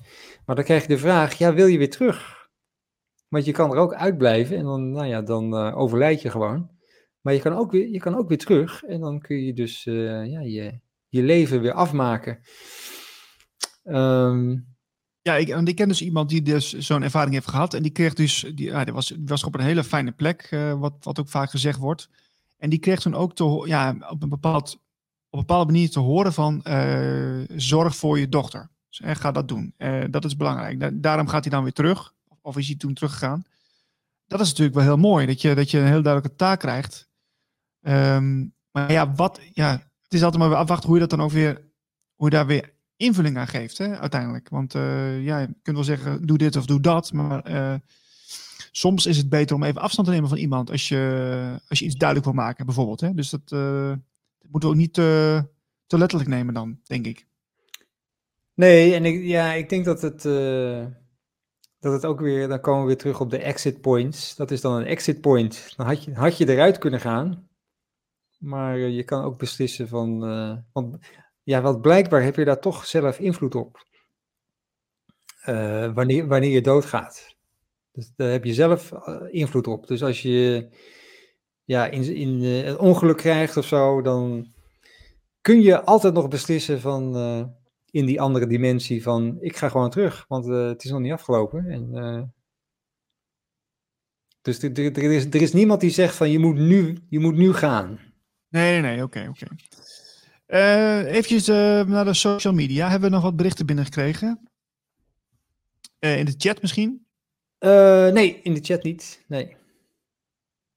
Oké, okay. ook geen mailtjes zie ik. Kijk hoor. Ik heb wel, want we hebben het over bewustzijn natuurlijk. Ja. En ook dit heb ik vertaald voor een, voor een deel. En de, de headline is al fantastisch. Dus al, daar krijgen ze al Daar krijg je al 10 punten voor. A brainless blob that can think is being sent to space to see what happens. brainless blob, oké. Okay. To space. Nou, dat is wel eh, spannend. een hersenloze blob die ook nog kan denken, is, wordt naar de ruimte gestuurd en dan gaan we kijken wat er gebeurt. Um, ja, dat is wel, dit is wel heel geestig. Uh, een slijmzwam, dat is dan uh, de blob, die bekend staat als de blob, zal worden gelanceerd naar het internationale ruimtestation, waar wetenschappers zullen bestuderen hoe microzwaartekracht de capaciteiten van eencellige organismen beïnvloedt. De blob is ook bekend als Physarum polycephalum. Ah, ja, ja. Ja, dat is een gele schimmel, dat weet je ook. En, en uh, deze gele schimmel is van enorm belang voor wetenschappers die de cognitie van dieren bestuderen, vanwege de manier waarop het kan denken, beslissingen nemen, slapen, leren en zelfs navigeren door een doolhof, ondanks dat het geen hersenen heeft. Het is zelfs gebleken dat het zich aanpast en kennis doorgeeft aan andere slijmzwammen. In het eh, blob-netwerk dus. De blob wordt gelanceerd op de 16e commerciële bevoorradingsmissie van Northrop Grumman op 10 augustus, volgende week, samen met verschillende andere wetenschappelijke experimenten die ook aan boord van het ISS zullen plaatsvinden. Astronaut Thomas Pesquet van de European Space Agency krijgt de taak om de blob met een paar druppels water te wekken zodra deze het ISS heeft bereikt. Het, uh, het International Space Station. Het doel van het experiment is om te observeren hoe microzwaartekracht het gedrag van de blob beïnvloedt ten opzichte van zijn voedsel, haver en zijn omgeving. Dus hij, hij eet haver, de blob. Mm Met behulp van camera's die alles automatisch opnemen, zullen leerlingen van 10 tot 18 jaar van 5000 scholen de bevindingen van monsters hier op aarde vergelijken met die in het ruimtestation. Er zit ook een educatief uh, sausje overheen. Volgens dokter Audrey Dessoutour, een specialist in slijmzwammen en onderzoeksdirecteur van het Franse Nationale Centrum voor Wetenschappelijk Onderzoek, zullen de groei en het gedrag van de blob gedurende zeven dagen worden waargenomen, wanneer hij, waarna hij in een ruststand zal gaan en aan boord van het ISS zal blijven. En uh, dokter Dussetour zegt, ons doel is om het effect van microzwaartekracht op het gedrag van slijmzwammen te onderzoeken, met name exploratiegedrag, maar ook groei. Maar het echte hoofddoel van dit project is om kinderen te betrekken bij interessante, opwindende wetenschappelijke experimenten. Hmm. Maar dat is natuurlijk onzin of marketing of... Uh, de, de, de, de, nou ja, goed. Je gaat toch geen. Je gaat toch niet de ruimte inschieten en, dat, dat is, nou, en dan gaan ze daar allemaal dingen onderzoeken. En het hoofddoel is dan om uh, kinderen erbij te betrekken. Tuurlijk wel, is toch logisch? Nee hoor, dat is gewoon een, uh, dat is een leuk, leuk dingetje wat je, wat je erbij doet. Maar dat is toch niet het hoofddoel? Nee, lijkt me ook niet. Nee, lijkt me ook niet. Nee. Uh, de blob is een unieke ervaring die de nieuwsgierigheid van studenten stimuleert naar thema's als de impact van de omgeving op organismen en de ontwikkeling van levende, uh, levende organismen, zeggen ze in een persbericht. Dus, uh, nou ja, de blob, de blob in space. Dat uh, vond ik wel een leuk bericht. Ja, geen hersens en toch kunnen denken. Dus dat heeft ook weer met bewustzijn te maken. Het heeft allemaal met, ja, de, ja, in, principe kunnen alles al linken, maar uh, ja, weet je, de, de, ik, heb, ik heb er ook wel veel over gelezen van um, Dr. Schwab, die heeft er een interessant uh, boek over gelezen, over geschreven moet ik zeggen. Um, is een uh, neuroloog, of neurowetenschapper. en ja, dat, dat, kijk, dat is best wel gek natuurlijk, hè, want je hoort van, van mensen in de alternatieve hoek dat, dat, dat ja, dat, dat wetenschappers uh, al lang weten hoe de hersenen helemaal werken. Uh, als je dan in de mainstream uh, een boekje leest over wetenschap ehm, van de hersenen, dan zeggen ze dat, ze dat ze nog heel veel moeten ontdekken. Um, dus dat vind ik wel tegenstrijdig. Ik weet, ik weet natuurlijk, ja, er zijn altijd twee kanten van het verhaal. maar ja, neurologie, het is heel interessant. Ik, ik volg het wel. We hadden het net over bijna doodervaringen. We gaan nu eventjes door naar um, vorige levens. Hebben we net ook even, heel even aangestipt. Ik heb ook een artikeltje van, van een ja, deskundige die op dat gebied eh, actief is, Jacqueline Voskuil. Uh, ze geeft ook therapie-sessies en ze kan ook symbolen in, in, uh, vertalen in, in dromen en dat soort dingen. Want we gaan het hebben over dromen en, en hoe vorige levens daarin terug te zien zijn. Um, en het, ze wordt geïnterviewd en ik, ik heb een paar dingen uitgehaald die ik wel interessant vind. Uh, allemaal hebben we meerdere levens doorstaan en hebben we wijze lessen getrokken uit deze levens. Maar toch zijn we ook allemaal terug op aarde gekomen om geconfronteerd te worden met de kennis die we nog niet bezitten. Elementen uit een vorig leven blijven altijd een rol spelen, ook in je huidige leven. Via dromen worden we herinnerd aan onze vorige levens en aan de levenslessen die we deze incarnatie nog dienen te leren. Maar hoe herken je een, een van deze dromen over je vorige levens en wat willen ze eigenlijk vertellen? Um, ik heb een paar uh, vraagjes die ik even, ja, even wil voorleggen. Dat is wel grappig. Um, even kijken. Uh, een van de vragen is: kom je tijdens zo'n therapiesessie, want ze doet dus therapiesessies met mensen die dus dat, dat willen weten, uh, kom je in zo'n therapie, therapiesessie ook bij het weten? Nou zegt ze: alle antwoorden die we zoeken bevinden zich al in onszelf. Eh, we brengen ze alleen naar boven uit het onderbewustzijn door middel van een sessie. En daarbij komen er bevestigingen van het weten een hogere frequentie. Dan wordt het een gegeven en geen vraag meer. De ziel heeft zoveel kennis en helaas doordat we in vergetelheid worden geboren En omdat we opgroeien in een geconditioneerde omgeving, weten we vaak niet meer hoe we in contact moeten komen met dat weten. We moeten opnieuw leren wie we werkelijk zijn en waar we vandaan komen en wat we hier op de aarde komen doen. Het is allemaal een kwestie van opnieuw gaan herinneren. In de shift waarin we ons nu bevinden, gaat dat steeds sneller en sneller. Veel mensen ontwaken nu. Ehm, dus dat is natuurlijk wel interessant, hè? Dat, dat, uh, het weten. Want dat is uh, ook wel een vraag die ik mezelf de laatste tijd vaker stel. Wat is nou echte kennis? Want soms weet ik iets uh, en dat heb ik niet ergens gelezen. Het is niet een document wat ik heb gelezen of geleerd heb op school. bijvoorbeeld een ingeving dat, ik, dat bijvoorbeeld een afspraak niet doorgaat, s ochtends. Hè? Dan ben je S ochtends zit je aan de koffie en dan, dan heb je smiddags een afspraak en dan krijg je opeens een ingeving en die zegt, ja, de afspraak voor vanmiddag die gaat niet door. Dat is heel stellig, zo'n gevoel van, uh, ja. En is dat, is dat dan, geen toeval, want vervolgens gaat hij niet door. En dat is dus een vorm van weten. Dus dat eigenlijk uh, communicatie. Hoe, uh, hoe kijk jij daarnaar, Marlijn? Nou, ik weet het alleen van school vroeger. Dat je in de klas zat en um, dan voel je op een gegeven moment, oké, nu krijg ik een beurt. Dat, dat, dat, uh, dat weet je dan gewoon. En dan gebeurt het ook. Ja. ja. uh, dus daar, daar uh, merkte ik dat altijd wel. of nou ja, altijd, af en toe. Af en toe. Um, voor de rest, voor de, ja, het is een beetje een valkuil ook voor, vind, voor mij, vind ik. Want dan ga je toch ook, je, als je, als je dat merkt, dat je dus dat dingen aan kunt voelen, dan ga je, ga je denken, oh, dat kan ik dus trainen. En dan kan ik de toekomst voorspellen. En dan ga je, dan, dan ga je, dan ga je een soort van zoeken.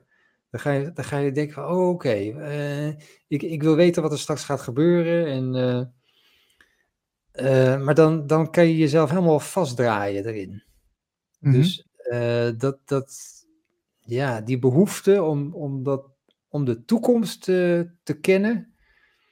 Kijk, als het gewoon spontaan aankomt waaien en je voelt dat, dan is het allemaal goed. Maar zodra je erover na gaat denken, dan ga je, ga je op dingen, hè, verschillende dingetjes letten of zo. Ja, ja, ja. ja dat is niet goed. Want dan, uh, dan ga je er weer met je hersens uh, tussen zitten en dan, uh, ja, dan, dan wordt het niks. Nee, precies.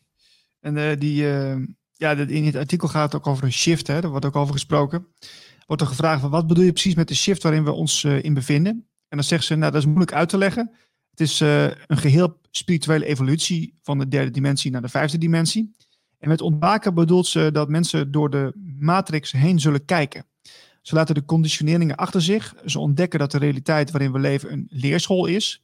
Een spel van beïnvloeding en manipulatie. En als we overlijden, dan komen we terug in onze vorm en valt dit alles allemaal van ons af. Um, en dan een vraag die ook wel interessant is, is, uh, uh, is conditionering verkeerd? Nou, dan zegt ze, er bestaat niet zoiets als goed of fout. Hè, dat is eigenlijk weer, als je van een hoog perspectief ernaar kijkt, hè, dan kun je zien dat het uh, een spel is tussen links en rechts, zwart-wit, de dualiteit. conditioneringen zijn de normen, waarden en gedragingen die je vanaf je geboorte krijgt aangeleerd. Het komt niet uit je eigen zielsontwikkeling voort. Conditionering is gebaseerd op een financiële maatschappij. Je laat je zaken opleggen door een ander. We worden belemmerd om ons eigen pad te volgen, omdat we anders buiten de hokjes van de maatschappij zouden vallen. Um, en dan even kijken, of nog meer leuke dingetjes die ik kan vertellen. Uh, ja, ik, wat ook wel een interessante vraag is, is um, uh, kan het zijn dat je je afschermt tegen de ellende die je in je vorig leven hebt meegemaakt? Want dat is ook wel iets waar mensen mee worstelen natuurlijk. Hè? Veel met angsten natuurlijk. Zegt ze, uh, als ik merk dat cliënten erg emotioneel worden van een vorig leven, dan laat ik ze dat wel altijd even doorvoelen. Daar zit namelijk ook altijd een, een deel heling in. Maar ik hou de cliënt altijd goed in de gaten. Als het erop lijkt dat het te overweldigend wordt, dan vertel ik dat ze de emoties niet hoeven te doorleven. Ze kunnen, ze kunnen er ook van afstand naar kijken als een observeerder. Maar ze hoeven zich geen zorgen te maken dat ze de sessie niet aan zouden kunnen. Je krijgt namelijk van het weten nooit meer te zien dan je aan kunt. Uh, het dient altijd tot bewustwording in je huidige leven. Nou, dat, is, is wel interessante informatie om even mee, met ons mee te nemen. Uh, wat we in dromen dus uh, ja, voor een deel kunnen zien. Uh, ik heb een linkje gestuurd naar ons uh, contact bij uh, Soul Steps Festival 2021. ik wacht even tot ze binnenkomt. Het kan natuurlijk elk moment zijn, kan ook over 10 minuten zijn. Maar er zit Martine die voor ons verslag doet van het festival. zijn er nog reacties binnengekomen, Marlijn? Nee. Nee, oh, dus, de, de, chat is behoorlijk rustig. Dus maar zit, uh, zit Martine, gaat het meer per telefoon of uh, hoe komt ze binnen? Uh, nou, ik heb een linkje doorgestuurd van, ja, van, van deze. Oh, oké. Nee, dan, dan want dat zie ik dan ook. ja, ja, dat zie je ook. Via, via de mail heb ik het gestuurd, dus dan de kan ze er zo in. Maar okay. we hebben half twee afgesproken, dus ik denk dat ze, dat ze straks gaat kijken. Dus, Oké. Ja.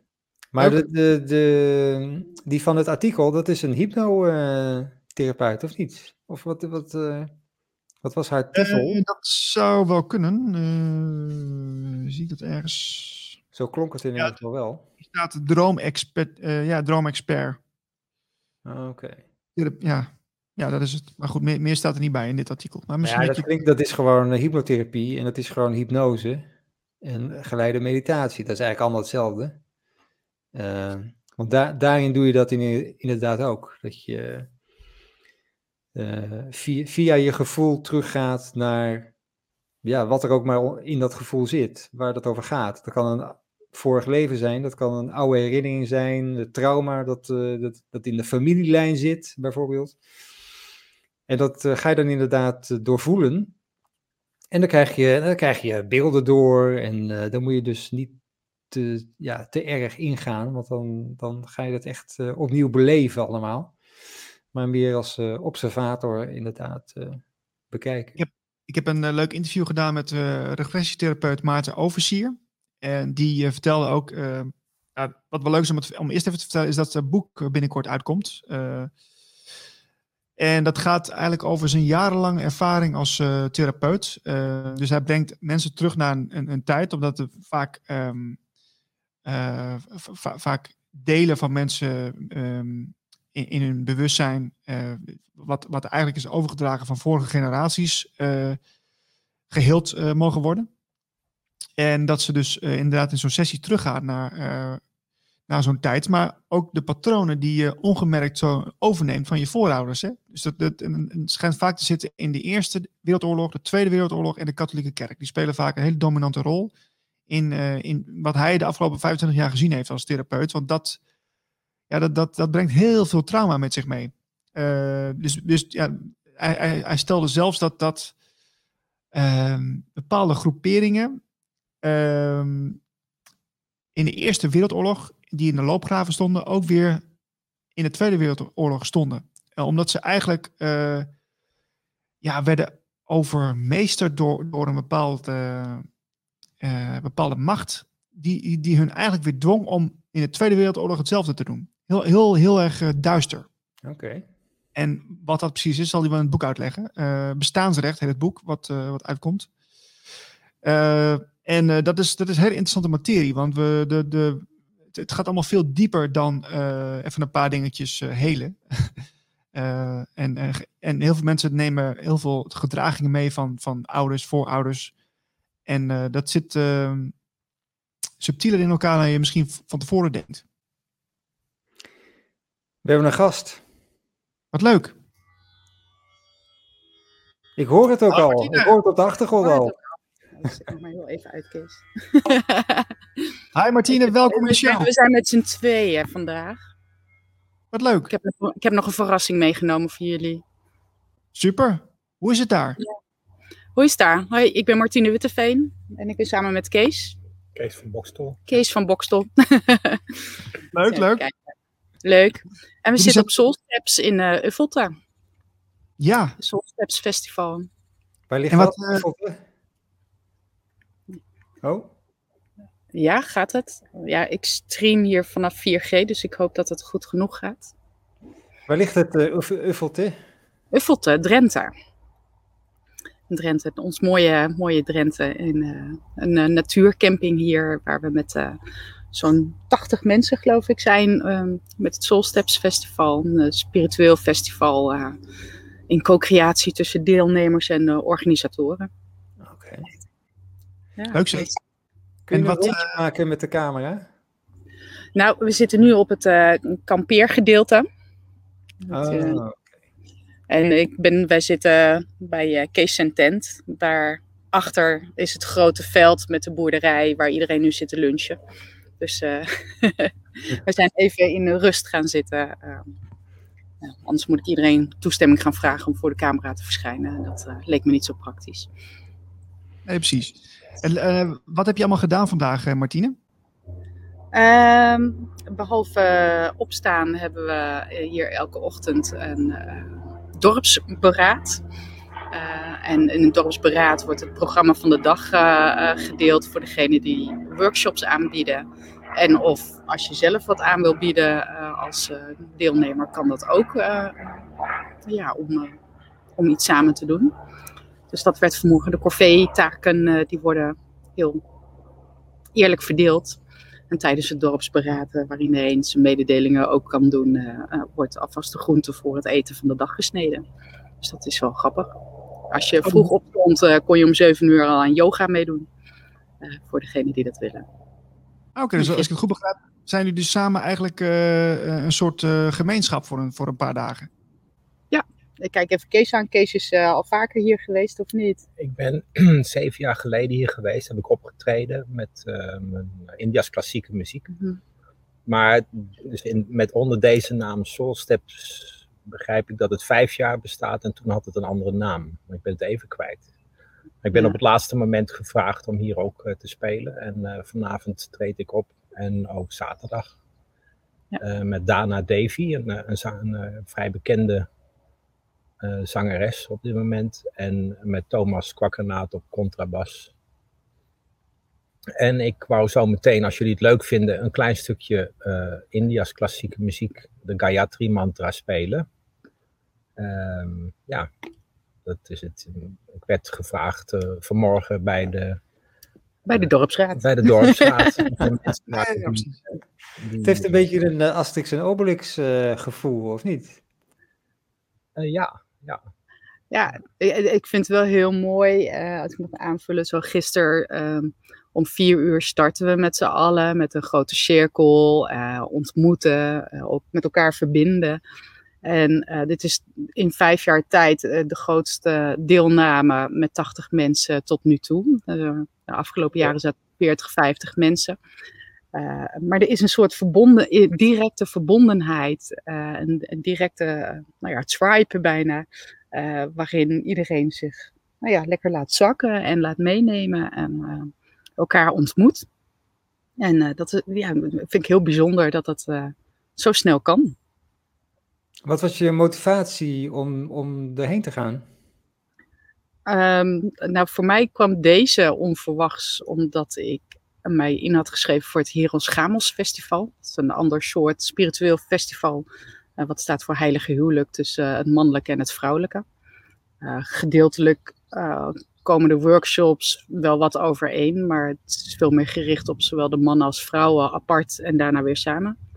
En toen dat afgelast werd door de huidige maatregelen, kwam diezelfde dag, of nou een uur daarna, kwam deze op mijn uh, tijdlijn terecht. En toen dacht ik, wauw, dit is leuk. En schijnbaar mocht, mag dit wel doorgaan, dus dat is hartstikke fijn dat we hier kunnen zijn met z'n allen. Ja. Het voelt, voelt, heel als een warm bad, heel vieren van, van het leven en van al het moois wat er in de zichtbare en onzichtbare wereld is. En ook een bad van gelijkgestemden. Dat is ook fijn om in te delen. Wat, wat, hoop je nog, uh, uh, wat hoop je vooral te, te, te ervaren deze, in deze dagen, Martine? Nou, ik, we hebben sharing cirkels uh, één keer per dag, waarin je een groepje deelt wat er op dat moment speelt voor jou. En ik zei gisteren, vieren en verbinden. En het leven vieren in alles wat er is op dit moment. En verbinden met gelijkgestemden. En nou ja, een knuffel links en rechts, een mooi gesprek, een hand vasthouden, samen ervaren. Ja, wat, wat ik was ook wel benieuwd, want dit is, dit is een van de weinige festivals die op dit moment doorgaat in Nederland, hè? Ja. Ehm, hoe, hoe, hoe, gaan jullie om met, met het hele corona gebeuren? Heb je, kun je daar iets over zeggen? Moet dat? Roep niet door, ik was gewoon even benieuwd.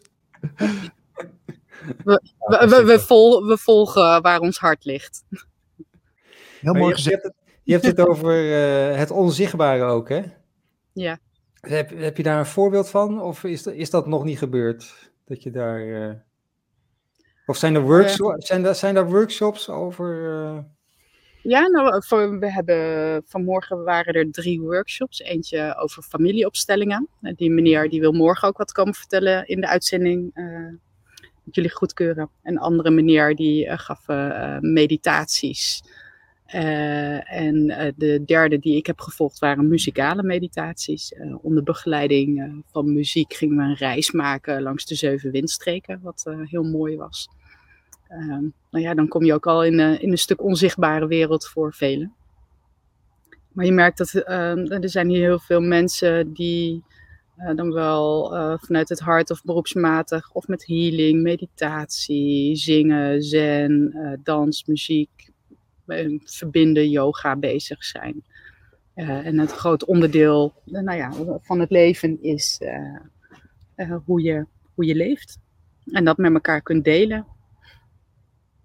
Ja, leuk zeg. En ik, ik zie Kees, die heeft dan een instrument in zijn handen. Ja. Wil je een stukje spelen, Kees? Lijkt me heel leuk.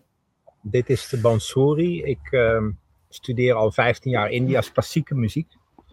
Daarvoor reis ik regelmatig ook naar uh, een leraar. Dat heet dan Guru in India. Uh, in Calcutta. Hariprasad Charasha is mijn guru, ook mijn fluitguru geweest. Dat is een hele beroemde fluitspeler. Bansuri-speler. En um, nou, ik zal wat spelen, dan daarna misschien nog wat meer over vertellen. Hoe ik daarbij gekomen ben. Kun je de achtergrond uh, ook horen, heren? Ja hoor. Ja? Okay. Ja, is goed.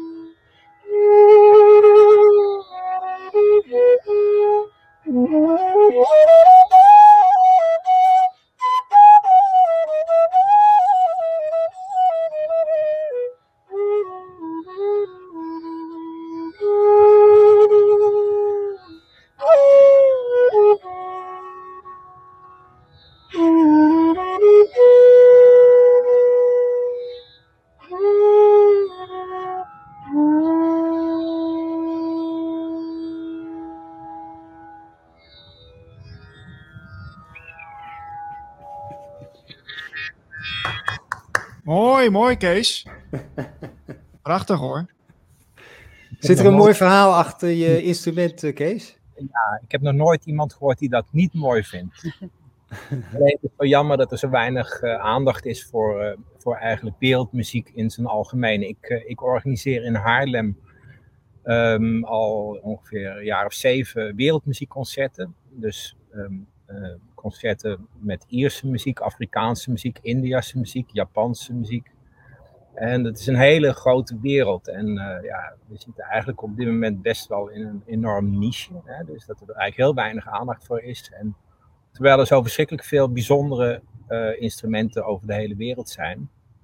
Nu ben ik een, uh, um, onlangs ben ik een wereldmuziekgroep, Global Music, zo, zo, wil ik het eigenlijk liever noemen groep gestart One Earth Collective. Je kunt ook de informatie vinden op oneearthcollective.nl. En dat is dus een mix van vijf verschillende uh, muziekstromingen. Dus Zuid-Amerikaanse muziek, Ottomaanse muziek, India's klassieke muziek, Keltische muziek en um, Afrikaanse muziek. Nou, en daar hebben we een blend gemaakt en we gaan dus in Epe binnenkort uh, optreden. Als je One Earth Collective Epe intypt, dan kom je wel op een site. Um, nou, en we, we, spelen in Haarlem en ik heb een um, kwartetspel ontwikkeld. met wereldmuziekinstrumenten om ook de jeugd proberen te enthousiasmeren voor wat meer kennis omtrent wereldmuziek. Want dit is slechts één instrument, maar bijvoorbeeld in India heb je de sarod. Ik weet niet of jullie weten wat een sarod is, waarschijnlijk niet. Nee, nee. Nee? Um, daar weten jullie waarschijnlijk wel. Dat hebben jullie dan gehoord via Ravi Shankar, die dan bevriend was met de Beatles. Die heeft het toch wel populairder gemaakt. De Bansuri bijvoorbeeld is in, in India een ongelooflijk um, um, uh, populair instrument. En het heeft ook natuurlijk te maken met uh, de verhalen rondom uh, Krishna. zeg maar de Jezus Christus van India, om het maar even zo te noemen, spiritueel gezien. En die daar geleefd heeft jaren geleden. En Um, ja, dus het is uh, een, een, enorme wereld waar we in Nederland helaas zo weinig van horen. En nou, dus dat zie ik een klein beetje als mijn uh, opdracht in het leven. Je hebt toch voor jezelf een soort spirituele opdracht, krijg je denk ik allemaal mee. En dat is er eentje waar ik achter ben gekomen dat dat toch wel een, daar ligt voor mij een voorname taak. Omdat ook muziek verbindt mensen. je, het is zo mooi, die cd die we gemaakt hebben van uh, One Earth Collective, die is net af. En um, die vijf muziekstromingen, Zuid-Amerika, Afrika, um, India, Keltische, het Ierse, zeg maar, en, die, en het Ottomaanse ook, hè, dus de, de, de, de, de Turkse, Marokkaanse, Arabische uh, klanken als je die samenbrengt, merk je dat er eigenlijk veel meer overeenkomsten zijn als verschillen. Dus je hebt in India heb je uh, ragas. Uh, dit was wat ik net speelde, was dus in, is geschreven in raga um, Hans Sadwani.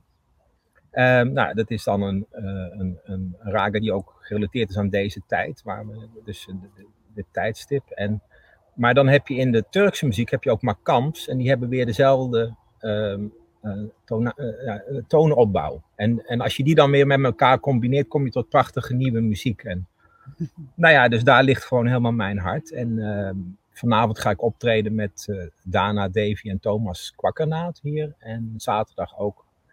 En zodoende ben ik hier op dit festival. Ja. Ik kan er nog uren meer over vertellen. Ja, fantastisch Kees. wat, wat mij zo raakt is die, die mooie oer, die oerklank hè, die je terug hoort in uh, het instrument. Uh, ja, dat, dat, dat, dat raakt je gewoon. Het is gewoon gemaakt van bamboe en je hebt dus ook verschillende stemmingen. Dit is bijvoorbeeld een, um, een C-sharp, de Cis-fluit. En dit is een E-fluit. Je hebt kleinere fluiten en dus je hebt alle stemmingen. En ik heb dus een hele koker bij me met, uh, met zeven bansuris. En uh, ja, als, als ik dan vanavond met mensen samenspeel en de grondtoon, die, die, dat is voor mij dan de Sa. Uh, dus in India heb je, hier in Nederland heb je do, re, mi, fa, sol, la, ti, do, maar in India heb je sa, re, ga, ma, pa, da. En die is niet gedefinieerd. Kijk, bijvoorbeeld op de piano heb je de, uh, de C, D, E, F, G, A, B, C. Dus, en dan dus de witte toetsen en de zwarte toetsen, maar die, zijn, die liggen vast. Maar in India is elk instrument heeft zijn eigen sa. Dus je moet altijd zorgen dat de grondtoon van andere instrumenten waar je mee samenspeelt, moet je afspreken van tevoren in welke stemming je speelt. En uh, ja, wat wel voor mij natuurlijk uh, is er veel veranderd dit jaar. Want het is niet zo makkelijk om nu nog eventjes weer drie maanden naar India te gaan. Wat ik de laatste vijf jaar heb gedaan.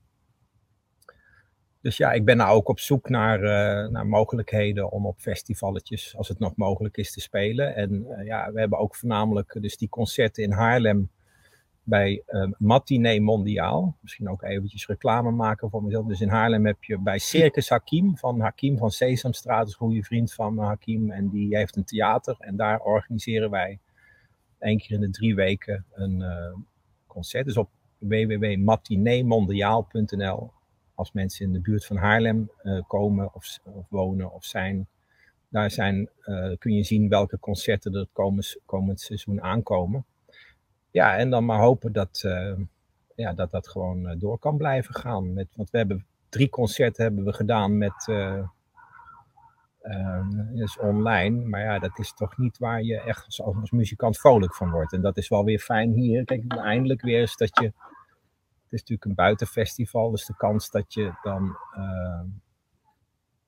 aerosolen uh, zeg maar, uh, naar binnen krijgt, is niet zo groot. En uh, nou ja, dus we zijn hier gewoon op dit moment het leven aan het vieren, inderdaad. Ja, ja. ja goed, goed bezig. En vanavond is een feestje, denk ik, hè?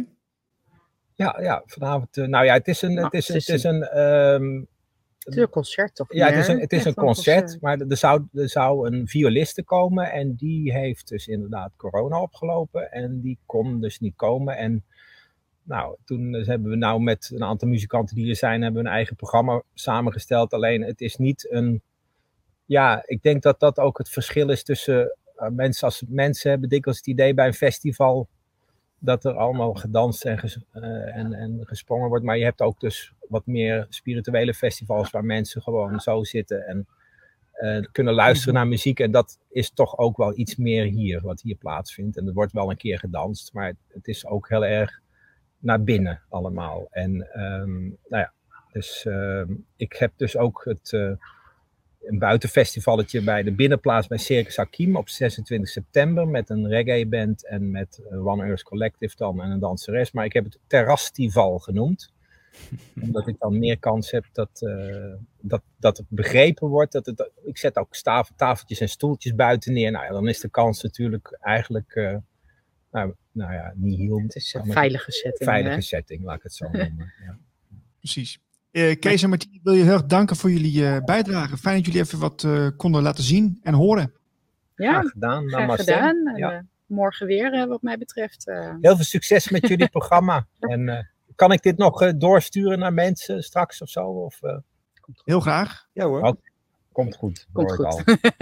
Radio Gletscher heet het. Dus het, we, we zullen het wel eventjes doorsturen naar Martine geweldig initiatief. Ja. Dankjewel. Dankjewel. Heel, heel veel plezier daar hè? en uh, tot morgen. Tot ja. morgen. Okay. hoi, hoi.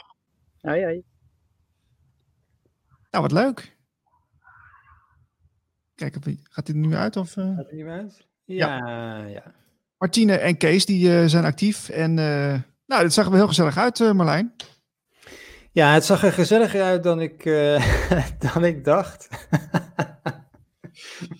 Ja, wat Jij bent sceptisch hè, over dit soort... Nee, nee, nee, nou, niet sceptisch, maar um, dat commune-achtige, dat, uh, dat, dat triggert mij af en toe. Maar dat was hier helemaal niet. Dus uh, het was heel uh, gemoedelijk en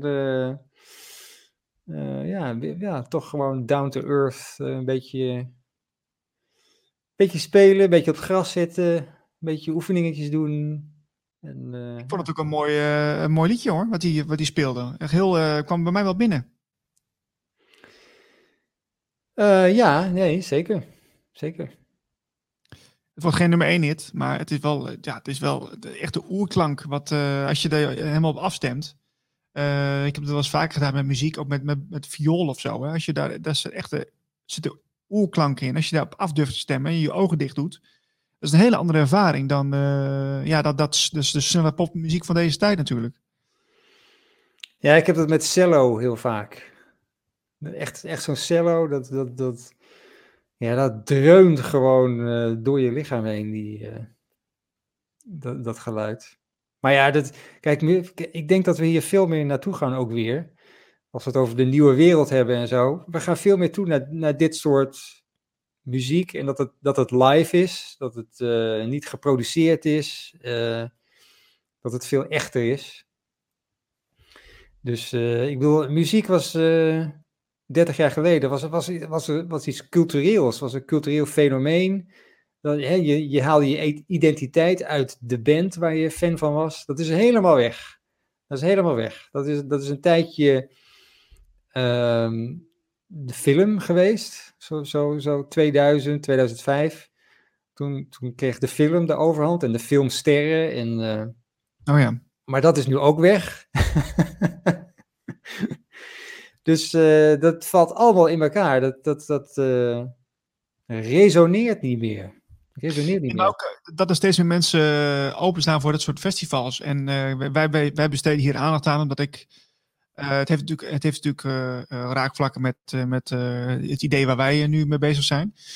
Maar het geeft ook aan dat steeds meer mensen ervoor openstaan om, om daar ook echt naartoe te gaan. Hè? En die verbinding op te zoeken. Dat het dat blijkbaar in de normale, normale samenleving die verbinding er niet makkelijk te, te, ja, te, vinden is. Um, kijk, mensen, mensen leven inderdaad in zo'n vernauwd stukje bewustzijn. Zo'n vernauwde blik van, van hoe het zou moeten. En uh, ja, dan, dan, krijg je vanzelf van dat soort uh, ja, ja, uh, festivals of, of, of andere evenementen waar je, dan, waar dat dan wel kan vinden. Dat is heel logisch. Mensen gaan toch altijd op zoek naar waar het wel kan of, of naar, naar oplossingen. Mensen zijn gewoon vindingrijk en, en heel flexibel in die zin. Hè? En dat, dat, dat, is, dat is eigenlijk de kracht van de mens. Nou ja, met dit soort festivals ook, dat denk ik van dit is, uh, dit is van woensdag tot zondag, geloof ik. Uh, waarom kan dit niet uh, een maand of misschien wel permanent? Want het is eigenlijk gewoon een terrein met tentjes. En nou ja, wat ze, wat ze zeiden, we, we wassen gezamenlijk af, we, we snijden groenten samen. dus. Nou, dat is toch op zich gezellig. Je moet er wel voor opstaan, maar het is, voor, voor een tijdje kan het best heel leuk zijn. Ik denk dat het ook wel ja, misschien iets, iets, uh, iets bij je losmaken als je daar eenmaal tussen zit. Dat je denkt van ja, uh, waarom ook niet? Nou ja, niet, niet dat, je, dat je zelf daar permanent zit. Maar wel dat het permanent open is, zeg maar. Dus dat, uh, dat je gewoon in en uit kan gaan, zeg maar. Dus dat, dat, dat, het meer een soort, dat het meer normaal wordt. Want nu is het een soort van speciaal of festival en dan moeten we erheen en dat is dan een bepaalde tijd. maar dat, ja, dat het er gewoon altijd is. Dat er een soort toevluchtsoord is. Waar je, ja, waar je jezelf kan zijn. Dat is een beetje een, een beetje dooddoener, maar goed. maar dit, dit, is precies waar we in het begin van de, van de uitzending ook over hadden. Hè? We zijn dus, uh, uh, als alles op de kop is zoals het is. Hè? Dus we doen eigenlijk precies het tegenovergestelde als dat we wat we denken en voelen. dan is het toch raar dat we eigenlijk dat we, dat we zulke evenementen nodig hebben om weer on, even onszelf te zijn. Dat is toch eigenlijk heel ongezond. Um, ja, nou ja, ja, ja, nou ja, er is, een, uh, er is een behoefte en die wordt nou ingevuld. Het is, en het is jammer dat dat uh, maar een paar dagen dan uh, zo kan zijn. Dit is ook wel heel, dit is ook Nederland, weet je wel. Dit is, dit is denk ik makkelijker in, ik weet niet, ik ben, ik ben nooit in India geweest, maar daar lijkt het me makkelijker om in zo'n soort omgeving te zijn. En uh, in Nederland is alles zo vast. Dus dat, uh, ja. ja, maar in Nederland is het ook wel weer goed geregeld op een bepaalde manier hoor. Dus uh, ja, daar is ook weer wat voor te zeggen. Maar in ieder geval oneearthcollective.nl, daar, daar kunnen we ze op vinden. Kees en zijn band. En binnenkort is hij te zien in Epe en Haarlem. Dus wie weet kan hij een keer in de studio komen als, als het zover is met Radio Gletscher. Dat we ook hem een keer wat langer aan het woord laten. Dus dat zou wel leuk zijn. Ja, want daar wou ik nu eigenlijk niet op ingaan, maar uh, hij heeft natuurlijk allerlei uh, avonturen beleefd in, in, India en waar hij verder allemaal nog is geweest. Dus, uh... Ja, gurus en misschien wel shamanen, wie zal het zeggen? Ja. Um, we zijn bijna aan de tijd, hè? Ja, het gaat hard. Het gaat hard. Uh, zijn er nog dingetjes die we echt even moeten doornemen? Zijn er nog misschien, ja, misschien kunnen we nog even een oproep doen aan de mensen die hier naar kijken en die denken: ja, ik wil ook meedoen met Radio Gletscher en ik kan een goed programma maken. Uh, stuur even een, uh, een demo van jezelf naar info.radiogletscher.nl en dan kunnen wij kijken of we een match hebben met elkaar. En ja, wij, wij staan overal voor open. In september willen we werken naar een, een serieuze programmering. En uh, tot die tijd uh, hebben we de hele maand augustus een try-out sessie. Uh, Marlijn en Niels doen het samen. elke dag. En nou, ik ben heel benieuwd wat er binnenkomt. info at radioglacier.nl Ja, je kunt het ook op YouTube gewoon zetten natuurlijk. En dan stuur je ons de link. Dat is misschien nog het allermakkelijkst. Kan ook. maar het kan, ja, het kan een gesprek zijn. Het kan een monoloog zijn. Ehm, Luisterboeken. En, en we gaan nog een beetje, uh, dat wordt allemaal wat duidelijker, hè, wat de zender wordt uiteindelijk. Dus we gaan een soort profiel ook opzetten van, oké, hier gaan we het over hebben. Dit zijn de, uh, ja, niet, niet zozeer onderwerpen, maar dit zijn de overkoepelende termen. Ja, de pijlers. De pijlers waar we, waar we ons op gaan richten. En dan is het ook wat makkelijker misschien om daar een programma bij te verzinnen. Maar als je nu al denkt van, hé, uh, hey, uh, die piramides, daar weet ik heel veel van. Dus uh, daar, kan ik zo, daar kan ik zo de zender mee op. het zou kunnen, het zou kunnen. Um, wat hebben, we hebben nog iets wat we verder nog even moeten doornemen. iets wat is blijven liggen van gisteren. Ja, ik heb, ik heb wel eigenlijk iets. ja, je wil, oh ja, je wilde natuurlijk naar die tweet toe van. Ehm, ja, Kom er maar in. Ja, nou, dit is een klein dingetje van uh, waar we het net over hadden: de, de, de, muziek in de films. En dit lijkt slecht nieuws, maar het is eigenlijk goed nieuws. Uh, dit is een interview met Matt Damon. Movies as we know them aren't going to be a thing in our kids' lives, says Matt Damon, and that makes me sad. Is the age of the movie star coming to an end? Nou, ik heb nieuws voor je. Die is al afgelopen. Damon seems to think so. Um, en het gaat over, in het artikel gaat het over um, onder andere zijn eigen kinderen, geloof ik. Of gewone kinderen die uh, films. Wel films kijken, maar dan gewoon met een mobieltje in de hand. Dus die, zijn, die letten helemaal niet meer op. Dus die uh, hebben daar gewoon helemaal niet meer de concentratie voor. Uh, hier, hier zijn nog wat andere dingen. De, dit gaat over de superheldenfilms. The big titles of the past decade are brands and franchises established in numerous prequels and sequels. Robert begrijp, Marlijn, begrijp ik het nou goed dat, uh, dat de, zoals wij de filmindustrie kennen met, met superhelden, dat is eigenlijk uh, gedateerd? Dat is eigenlijk niet meer wat, wat de mensen willen? Uh, nou, het gaat, het gaat meer om de movie star. Dus het gaat meer om de acteurs. Dat die eigenlijk niet zo relevant meer zijn. Het gaat meer om, om het karakter, de superheld. Aha. Dus hier staat Robert Downey Jr. is a leading man, but his Iron Man could be played by almost anyone with wit. The character is more important to audiences than the actor. Daar zullen de meningen ongetwijfeld uh, over verschillen. Want uh, Robert Downey Jr. is uh, best een fantastische acteur wat dat betreft. maar dat, dat is de insteek van het artikel. ik denk dat ze nu wel een beetje doorkrijgen dat het eigenlijk een beetje over is. Met film en de filmster en ook de muziek, de, de music star en zo. Ja. Het valt allemaal een beetje weg. Uh, Hollywood is een beetje. Oh, ik had nog een tweet van um, The Critical Drinker. Dan gaan we kijken hoe. Want Twitter is niet zo snel vandaag. Die uh, vat het wel allemaal goed samen. How to be a Hollywood creative today. Pick some old franchise with a loyal fanbase. Dan remake it, but remove everything that once made it popular. 3. Insult the fanbase when they protest your creative, creative decisions. Vier, blame negative reviews on toxic trolls. En vijf, move on. Um, dat is wel een beetje wat er aan de hand is. En uh, ze, gaan, ze gaan van oude successen uit. we, krijgen, ja, we krijgen alleen nog maar sequels, toch? Ik bedoel, films zijn eigenlijk televisieseries geworden. En televisieseries zijn, zijn doorlopende verhalen. Um, en uh, het, het, is allemaal met een soort ideologie uh, natuurlijk erin, want ze willen ons opvoeden. Ze willen ons niet meer entertainen, maar opvoeden. En ze graven hun eigen graf daarmee.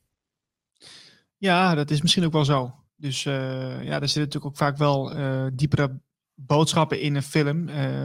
dat zal altijd misschien wel ontkend worden, maar ik heb er verschillende experts over horen praten die zeggen, van, ja, er zitten wel degelijk boodschappen in films die, die bedoeld zijn om mensen op een bepaalde manier te programmen. ja, dat weet ik wel zeker. Nou, dat zeggen ze ook. Hè. Ze zeggen ook bij verschillende series, Star Trek bijvoorbeeld, dan zeggen ze, ja, we gebruiken dit platform om dit en dat en dat aan het publiek mee te geven. Dus ze, ze, zien het helemaal niet meer als, als kunstzinnig product of als film, maar als platform. En uh, het, wordt, het, wordt steeds meer, ja, het wordt steeds propagandistischer eigenlijk. Ja, ja de, de Russen zijn altijd slecht in de James Bond films, hè, bijvoorbeeld. Om er maar iets eentje in te gooien. Ja, maar nu zijn, nu zijn mannen en vaders, die zijn ook al heel vaak heel slecht hoor. Ja, ja, ja, ja zeker, zeker. We moeten allemaal genderneutraal uiteindelijk. Dat is wel de grap. Ja, dus uh, nou ja, daar gaan we niet te diep op in, want het is allemaal een beetje... Uh, het, is een, het is een beetje een achterhoede gevecht. Maar um, ja, dat, dat het zelfs in de krant staat en met Damon en uh, oh jee, wat gebeurt er? Wat gebeurt er? Wat gebeurt er met een movie star? Dat, is, uh, dat, uh, dat is goed nieuws. Dus, ja, we, af van de heldenverering laten we weer tijd in onszelf steken en in onze, in onze liefdevolle omgeving waar we eigenlijk meer aan hebben. dan krijg je dat ook weer terug. En ja, dat, ik, ik, hoop dat, dat, ik hoop dat dat ook wel um, een beetje ontstaan is of, of, of uh, uit, uit de pandemie, zoals je die dan zou kunnen zien, is voortgekomen. Dat mensen dus uh, terug naar zichzelf zijn gegaan, terug naar binnen, uh, door, door die hele crisis. En daardoor weer ja, met geluk in zichzelf weer kunnen ervaren. Dat, ik hoop dat dat wel meegedragen of aangedragen heeft aan, aan, aan het collectief. Maar ik kan het niet bewijzen. Ik, ik, ik zie wel dat er heel veel mensen meer bewust worden van heel veel zaken. En dat zie ik, zie ik als iets positiefs. En dit, dit uh, net zo. Nee, maar dat hoor je ook wel om je heen hoor. Van mensen die dan een, iets, iets deden, maar niet meer konden doen. Omdat het door alle maatregelen en zo. Dus die zijn, maar die zijn toch bezig gebleven. Die zijn andere dingen gaan doen. En die, en die, en die krijgen daar lol in. En die denken van, hé, hey, dat ik... Hey, ik ben met een boek bezig en uh, heb ik eigenlijk nooit gedacht. Uh, allemaal geweldig. Uh, dat is eigenlijk een, een blessing in disguise. Dus ja, dit is een. ja, wij, wij, vinden altijd dat het te langzaam gaat. maar misschien is er toch heel veel aan de gang wat wij nog niet zien. Nee. Nee, precies. Ik denk, maar ik denk wel de komende maanden, dus sowieso het komende half jaar, dat er echt wel dingen gaan gebeuren. Als ik bepaalde bronnen moet vertrouwen die, uh, die toch heel veel mensen wel de ogen gaan openen. Maar uh, nogmaals, ik weet het ook niet mensen. Uh, we gaan het zien. We gaan het zien. Ja, ik denk, ik denk ook dat ze vol op het orgel nog één keer gaan. En, en alles... they, they, will throw everything at us, including the kitchen sink, zoals de Engelsen zeggen. En, en ja, dan kan het niet anders dan dat, dat we dat allemaal... daar, daar, daar gaan we om lachen. We gaan ze gewoon keihard uitlachen. Morgenmiddag, morgenmiddag 12 uur zijn we er weer. Radiogletscher.nl en ga naar ons YouTube kanaal om te abonneren. En volg ons op Twitter uh, ja, uh, en Facebook. En uh, stuur eens even een berichtje in de chat. Zouden we heel leuk vinden. En dan zitten we morgen om twee uur, of 12 uur weer klaar tot 2 uur s middags. En ik wens iedereen nog een hele fijne dag. Bye bye. Bye bye.